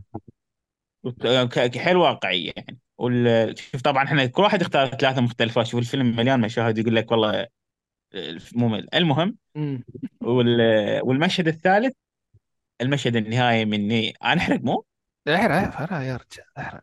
اللي من يطلع سكورسيزي ويبدأ يتكلم. أوه nice nice هذا nice. هذا كيف نسيته أنا والله. هذا غريب إحنا ما تكلمنا عنه بعد. nice. وهذا آه، والله هنا أنا هنا أنا حسيت قلب فيلم ديفيد لينش. صار نرجسي. والله. شوف ظهور ظهور سكورسيزي. شايفين Blue Velvet وذين الأفلام مالته أيوه أيوه. هم يجي بال stage واحد يجي يقوم يشرح لك بالأحداث. صارت شوف هي حرفيا. شوف احسن ش- أحسن ما تطلع لك شاشه سوداء وراها ومات كذا وأحيا كذا. سكورسيزي طلع يسولف لك اياها. هذه هذه شوف هذه هذه إنه حطها برضه بشكل حلو اللي حطها فترة الراديو في الستينات والخمسينات والأربعينات إنه حطة جميلة. على أيام الراديو. بس إنه يطلع سكورسيزي نفسه يتكلم عن هالموضوع أنا أنا قلت إنه هذا خاص توضح إن جدية الأمر إنه ما هو شيء سهل ما هو شيء ولاحظ نقطة مهمة كمان يا سام إنه المشهد اللي طلع فيه سكورسيزي مو أي مشهد هو مشهد الاستنتاج الأخير المشهد yep يلي yep. حكى لك إنه كم شخص مات وكم شخص عاش و... و... والناس اللي ظلت عايشة والناس فمشهد كان آه، هو لخص الختام يعني مسكوا الختام يعني حرفيا كان. هذا أقدر أضيف مشهد النوب انت حكيت اثنين ولا ثلاثة أصلا؟ لا تحكي ضيف يلا ضيف يا عمي. آه المشهد موت موتة ليزي اللي هي امهم إنه آه. الأشياء اللي بدأت تشوفها أول شيء بدأت تشوف ال- ال- البومة. البومة. مهم. بعدين بعدين بدأت تشوف أحبابهم فقالت إنه أنا شفت آه، يعني هاي كلها من تقاليدهم إنه بتبدا تشوف الناس القدماء والناس اللي كنت عليهم مم. وراها فجأة المشهد تحول يعني هي كانت ح- حياة سعيدة باخذوها للمرج مالهم والخضار إنه. خلاص حتروح المكان سعيد. فجأة يجي كت سريع إنه كلهم دا يبكون وهي بعدها بمكانها مددة بالكفن مالها. فحلو هاي النظرة كانت هاي رهيبة. جدا عجبتني okay يعطيكم العافية. الآن راح. ننتقل لآخر آه، فقرة معانا واللي هي فقرة المشاركات من المستمعين. عندنا مشاركة وحيدة على تويتر من علي. بيحكي فيلم رائع لكن سكورسيزي يستطيع تقديم أكثر من ذلك. الليو يستطيع تقديم أكثر من ذلك. دينيرو يستطيع تقديم أكثر من ذلك. لم يكن قدر التوقعات لكنه لم يخذلني أيضا. مفاجأة الفيلم وروعته هي ليلا آه، أو لي أيوة ليلي ليدي جلادستون. أداء عظيم بمعنى الكلمة صراحة. يعني أنا أتوقع هو شوف أنا أتفق معك وأختلف معك في موضوع ديكابريو يعني ممكن دينيرو يستطيع أن يقدم أكثر okay. سكورسيزي يستطيع أن يقدم أكثر بختلف معك صراحة. سكورسيزي قدم شيء جبار جدا. ممكن راح تقدر بالضبط. هذا الشيء مع المشاهدة الثانية يعني بصراحة آه. شوف وكان قد أت- التوقعات على نوعا ما. على سالفة دينيرو تتوقع أكثر من دينيرو؟ يعني هذا ترى مو دينيرو الثمانينات والسبعينات لا هو كنت فشنو متوقع ما أكثر يعني من من ناحية كتابة الشخصية بس. يا جماعة ترى ترى جا- جالس يناطح التسعين ف هدلع شوية. يعني لا لسه السبعينات الرجال أموره طيبة. السبعينات آه هو أكبر لسه ولا سكورسيزي؟ آه لا سكورسيزي أكبر. لا هو آه أكبر. تمام. سكورسيزي 49 آه، دينيرو 42 أوف. امم okay. آه، أنا خلنا يعني أنا يعني كان يعني أنا تعدى ك... نص نص الثمانينات يتعدى إيه، أنا وصل كني محمد 80 عدنان على ذا كله يعني. اي هو سك- سكورسيزي 81 آه okay okay. بس دينيرو 80 هيك يعني 81 okay. okay. لا معليش أنا آسف أنا آسف أنا آسف. أيوه. سكورسيزي نصلح 2 و... سكورسيزي 42 امم دينيرو دينيرو آه، شو اسمه 43 يعني تقريبا فرق كم شهر ترى. آه okay. آه حلو. مم. بس ما الزبدة إنهم يعني حك حكوا ال 80 خلاص يعني. امم لا فأعتقد سكورسيزي 81 يعني 80 دينيرو. تمام. طيب بدك تضيف شيء يا سيد على التعليق ولا شباب سام حتى؟ لا خلاص لا. okay يعطيك العافية علي. نروح لأسئلة الإنستغرام آه، من OMX underscore 9 ال بيحكي القصة والتمثيل perfect لكن أخذ وقت أكثر مما يستحق خصوصا جزئية آه، أو يحرق تمام؟ موتات العائلة طولوها ما بيحكي. بالعكس حكينا كثير عن الموضوع هذا إنه كان عم بيبني للعلاقة وبيبني للشخصيات وبيحاول يخلي القصة غير تقليدية مثل ما حكى أسيد إنه ما يركز على موضوع ال FBI بس بل جاب لك إياها من ناحية إنسانية وهذا الشيء اتفقنا عليه يعني بصراحة كانت كانت إضافة جميلة جدا يعني يعني. م- أنا عندي رأي معين تجاه هذا الموضوع. م. لو Killers of the Flower Moon كان mini series من ثمان حلقات within اللي أربع ساعات أو ثلاث ساعات ونص يمطها ويسويها ثمان حلقات. كان هسه الناس تقول لك مسلسل السنة أخف مسلسل بالسنة. صح. بس عشانه فيلم يعني. صح صح. هو هو هذا فعلا هذه القياسات موجودة ترى عادي يعني. نفس نفس. الفكرة على على لو كان هذا شيء ترى انقال على مسلسل Ordeal by Innocence واندن مسلسلات وكل واحد ثلاث حلقات. أنا تقول حرفيا في ناس يقولون ليش ما تصير فيلم وخلاص؟ ليش تسوي مسلسل؟ هو نفس ال point. ما في ما في في ناس دائما كذا فعادي. yep yep بالضبط. طيب آه، التعليق اللي بعده من ليل underscore آه، سوي على ما أعتقد هيك أو سيو. سوي؟ سيو معلش آه، أو سي ممكن ما بعرف ممكن سي. والله. 22 عم يسأل هل آه، هو يعني سكورسيزي أفضل مخرج من عام 2000 إلى الآن؟ شو رأيكم؟ سؤال ملغم جاوب انت والله. أول واحد جاب أول واحد خلي سامي جاب أول واحد خليه يتوهق هو. إيه إيه هو أول أفضل مخرج. سيد والله شوف أني يعني هاي هاي فترة بالرأي هي عز سكورسيزي هاي الفترة. يعني أكثر طيب. أكثر من التسعينات وأكثر من السبعينات. فإذا أقول لا هنا أنا معناها أنا جالس أسقط سكورسيزي فما أقدر أقول غيري. بس يعني طبعا إذا أفكر بها أكثر بلقى ناس أكثر يعني. okay. أنا لا أنا أختلف. آه ليش هو أفضل مخرج في بول توماس بالنسبة لا لا لا مستحيل تحط بول توماس فوق سكورسيزي معليش. في في ب 2000 من سنة 2000 تحدد. يا يا يعني رجل بس من 2010 ورا سكورسيزي يعطي 10 صفر. لا ليش؟ عندك The Master عندك Phantom Thread عندك There Will Be Blood عندك Punch-Drunk Love الأربعة هدول في تاريخ سكورسيزي. لا لا لا لا لا. لعلي تهورت شوي آه، لكن آه، بس تهورت يا رجل هاي فيها طرد. إثبات هو نظر. هو هو صراحة صراحة ما في اي وجهة نظر لما تقول موضوع. لا معلومة شوف بعد بعد الساعة 12 في الليل. خلينا نكون صريحين بس شوف قوة أنا بشوف قوة سكورسيزي بصراحة في Taxi Driver في Raging Bull في Goodfellas في كازينو كلها أفلام قبل ال 2000 أنا ما أنا شوف لو لو بال top عندي ممكن الأفلام اللي سكورسيزي كلها هيتفوق. هيتفوق سكورسيزي في في بشكل يس عام يعني على بول توماس. بس أنا بحكي أنا بعد ال 2000 هو هو هو موضوع بعد ال ال 2000 أنا أتفق معك. أنا شوف بالنسبة لي أنا إيش خلاني لا لا تغير لا سكورسيزي؟ تغير. لا تغير لا لا لا هو عليك. حبيبي حبيبي غصب عنك راحت أنت وبول عليك. توماس وغصب عنك أنت وكوبريك حتى إذا كان شيء شخصا بعد ال 2000 شخصا شخصا. أسمع لا والله صدق صدق. آه، كنت بقول شغلة أنا إيش خلاني أقول آه، سكورسيزي هو أفضل مخرج آه، بعد 2000 هو مرحلة النضوج السينمائي اللي وصل لها ترى. والله نضوج مرعب. ليش؟ لأن مثلا أنت تقدر تنظر للفيلم بأكثر من زاوية بأكثر من موضوع بأكثر من حتى حجة. مثلا فيلم مثلا زي زي هيوغو حلو؟ هذا بعد ال 2000 2011 يعني أذكر كان في ناس يعطونه خمسة من خمسة ويتكلمون عنه حتى عشرة من عشرة وتتكلم حتى عن أشياء عميقة بالفيلم فهمتني؟ فكل واحد عنده نظرة حجة موضوع خاص. ونفس الشيء عن بول توماس. أنا أحب أفلامه فعلا عظيم الرجل هذا. آه، شوف في إذا افلام الحالية إذا حلو؟ لكن أعتقد مرحلة معلش آه، زيد لكن أعتقد مرحلة النضوج السينمائي شفتها في سكورسيزي يعني.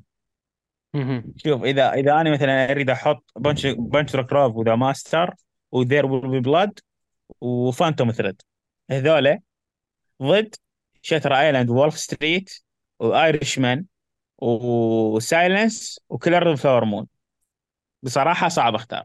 يعني مو تقول محسومه مره ال PT A. لا لا أنا صراحة بشوفها سهلة ما سهلة لا مش سهلة. لا لكن شوف سهلة شوية إذا إذا إذا إذا أحط فيلم بوجه فيلم سكورسيزي بيعنف PTA. والله بيعنفه. لا لا بس There Will Blood There Will Be Blood شوف أنا اذا ذين الأفلام كلها ذكرت أفضل منهم كلهم. آه دي آها. هو There Will Be Blood هذا هنا هنا تخوف. أما. الباقي خلاص صراحة. صراحة هو الرابحة هو There Will Be Blood و The Master اثنين ترى يخوفون مرة. Phantom Thread بس برضو عظيم. Punch-Drunk Love بس- كمان. ما له قليل ابدا.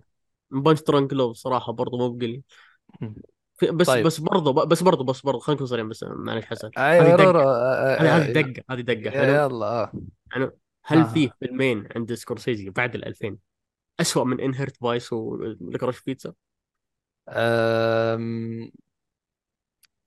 آه لا شوف اصبر شوف عندي سك... آه. لا لا والله في. العظيم Gangs في نيويورك مخيس معلش مين؟ Inherent Vice؟ Gangs في نيويورك Gangs في نيويورك آه shit صح. والله Licorice Pizza أحلى. تعبان. أنا تمنيتكم تنسونه يعني أنا تمنيتكم تنسونه صراحة. الله كفو سيد. هو هو يا حتى لا تقول أنا متحيز. لا لا شريف شريف. سيد يا عمي يا عمي جانج زينور كان اللي أخرج طبعا. سبيلبرغ. حسنته الوحيدة Bill the Butcher بس. Bill the Butcher الله. بس. طيب. وهاي الممثلة شو اسمها؟ جيمس كام... آه، كاميرون دياز؟ آه. اسوء أداء نسائي بالتاريخ جيمس جيمس كاميرون. دياز. يا جماعة بس لحظة لحظة. خل... خل... خلي نعطيكم خلينا نعطي credit معين لسكورسيزي. سكورسيزي أخذ الأوسكار يا سنة 2006 في ستة. بعد ستة. مسيرة جنونية. فغالبا الشخص اللي يسوي مسيرة بها أيقونات السينما وياخذ الأوسكار بعد مدري كم سنة آه يا خلاص يقلل. مجاملة. سكورسيزي بدا آه، سكورسيزي بدا prime ه ورا ورا الأوسكار. أنا من رأيي صح. الشخص بالضبط أنا هذا اللي بحكي عنه أنا هذا اللي بحكي عنه في في فعلا في مخرجين وحتى في ممثلين يبدأ يهدأ حتى آه، إذا فاز بالاوسكار عليك. فاز ب best في- فطبيعي ففكرة إنه حتى الاستمرارية هذا برضه ما نشأ تحسب لسكورسيزي حتى يا أخي الاستمرارية لذلك بول لذلك بول لك- توماس أندرسون إيه؟ معلش يا سيد لكن بول توماس أندرسون حتى للمستقبل ممكن يسوي تحف فنية قدام شوف ل- لذلك بعد لذلك دائما الأكاديمية ما ينطون الشخص الأوسكار إلا متأخر حتى يحلبوا قدر الإمكان وما يه- ما يهبطوا. سكورسيزي كسر القاعدة بصراحة. فيعني هذا. الشخص حالة خاص طيب آه... ننتقل للمشاركة اللي بعدها من طارق underscore 2005 طبعا شكرا لك السؤال الأخير والله نقاش تاريخي. آه سؤال رهيب صراحة شكرا. آه طارع بيحكي أعظم فيلم في العقد. واو تصريح خطير من طارق بصراحة إنه أعظم فيلم حاليا في العقد يعني كيلرز العقد الحالي؟ أيوه أيوه. الحالي؟ أكيد آه. آه يا إخوان. من لا الأعظم. صعبة إيش؟ صعبة آه. هو من الاعظم العقد ما خلص يا عيال شيكم أنتم. ما هو يمكن يطلع لك فيلم يصير صدق هو هو, بيحكي. الآن قصدي أكيد قصده إلى الآن يعني. آه إلى الآن ممكن هو ممكن آه ليلوز برادرز ممكن اوبنهايمر ممكن اوبنهايمر لا لا. لا لا خير خير يا إخوان شو فيكم أوبنهايمر ممكن. خير في مليون فيلم ثاني ممكن ممكن مانك تحفة آه، المهم نروح للسؤال اللي بعده. معك آه. في واحد هنا بيحكي سكورسيزي عم شيجيرو مياموتو. واحد الله يستر عليه. الله يستر عليه. هذه كانت هذه كانت رسالة مني يا الاستاذ يزيد. واضح أن الاستاذ يزيد ما عبرني لكن تحياتي له. تحياتي له من إلى إلى بودكاست الألعاب وتحياتي البودكاست طيب آه عندنا الصديق آه اي سود في اي آه، S. S O D V تمام. ما شاء الله الرجال كاتب يعني رأيه كله يمكن في الهي أبي أحكي آه إن شاء الله ما ألخبط بس بال- بالترتيب يعني. ففيلم عظيم بالرغم من عدم وجود لحظات انفجارية بأحداث القصة يلي ممكن يعطي آه طول الفيلم حقه بزيادة بس خيبوا الأمل. لكن بعد لكن بعيد عن خيبة الأمل الأداءات كانت ممتازة خصوصا من دينيرو اللي قدم دور مناسب لعمره. والبنت قدمت أداء أوسكاري. وديكابريو ما أدري هل هو ضعف منه أو ضعف آه كتابة شخصيته بس كان أداءه مخيب شوي بذا آه، بذا الفيلم وكمان آخر ثلاث أفلام. بس في الأخير أحد أفضل أفلام السنة بكل تأكيد وتحفة من تحف سكورسيزي الممتازة جدا ويستحق يدخل ضمن top five آه، للسنة. في أحد منكم أوجه آه، أوجه التشابه بين مولي ومولي اللي هي مولي والموناليزا. عشان كذا أقول أداء أوسكاري من ليلي جلادستون و... طبعا هذا آه، أيوة. هذا هذا أقرب رأي قريته الرأي والله غريب صراحة ك- ال- وجه شبه في شبه صراحة بين ليلي والموناليزا نوعا ما آه، في الابتسامة وال... يعني الممثل. فكرة بالموضوع رمزية يعني ما ما. بعرف. ما. أنا ما بعرف قصة. الموناليزا يعني آه، ما بعرف رسمها صراحة دافنشي وانسرقت ورا ما لقوها ارتفع سعرها دبل لا لا آه المره هذا نفسها هو هو رسمها عشان هو رسمها عشان واحدة لكن ما أدري إيش سالفة الواحدة هذه. يمكن سكورسيزي اقتبس السرقة على أساس إنه برضه هذا يسرقون. المهم بلشنا رجل. بلشنا تحريات شو اسمه رجل. شكرا unpopular ل opinion الموناليزا أكثر لوحة فنية مبالغ في تقديرها. أوفر ريتد يا مستر فنان. رسام سابق موضوع وسيد ها؟ م- مثمن مثمن تحف وسيد والله لا شوف الرسمي كارثة فضيحة. طيب آه، أعتقد هيك خلصنا الحلقة. طبعا يا إخوان إحنا عنينا في التسجيل بدرجة مرعبة جدا. لنا ثلاث ساعات عم نسجل. يعني بجوز أنتم عندكم والله هلا يمكن عذاب عذاب ونص شباب. شيء آه فنعتذر إذا صار في أي خطأ إذا في انقطاع في الصوت إذا في أي شيء يعني خطأ تقني نعتذر بشدة. آه، أتمنى تكونوا استمتعتوا في طيب آه، الحلقة. آه عندك لا إضافة لا سيد قبل ما نختم. أيوه. لكم هي تنطون توب فايف سكورسيزي لو كيف؟ لو توب بعدين. فايف؟ إيه؟ توب فايف؟ والله لسه. توب خليها بقى فايف؟ خلي والله لسه أنا صح. أنا ما آه. عندي. شوف شوف حاليا يلا توب نس- فا... توب نسوي فايف لا. نسوي شوي حلقه خاصة. توب فايف لا. خليها في صراحة حلقة خاصة بس هل توب 10 هل توب 10 راح تعرفون إن شاء الله في حلقه سكورسيزي الجاي. شاء الله إن شاء الله لا إن شاء عاد الله ما تحطوا توب. طيب حد عنده إضافة أخيرة قبل ما نختم؟ لا بس يعني يعطيكم العافية. يعطيكم العافية ويعني لا تنسون اخواننا آه، المسلمين من دعواتنا إن شاء الله. أوكي الله يعطيكم العافية جميعا على الحلقة الرهيبة. استمتعنا جدا عن نفسي أنا استمتعت جدا. أتمنى آه، حضرات المستمعين تكونوا استمتعتوا معنا في الحلقة ونكون أفدناكم في آرائنا يعني. لكن الأهم هو أنكم تشاركونا آرائكم لو كنتوا تسمعونا من اليوتيوب في التعليقات تمام؟ ويا ريت تنبهوا بحرق قبل ما تحروا أو شيء. ومثل ما حكيت مثل برجع بذكر لو مو مشتركين يا ريت تشتركوا في القناة وتدعمونا. ولو عجبتك الحلقة كمان يا ريت تدعمنا في like. ولو كمان أنت بتسمعنا من منصات أو بتسمعينا من منصات ال- الاستماع يا ريت تقيمونا عشان يساعدنا هذا الشيء على الانتشار. وشاكرين لكم استماعكم وإن شاء الله نلقاكم في حلقة قادمة. والسلام عليكم ورحمة الله وبركاته.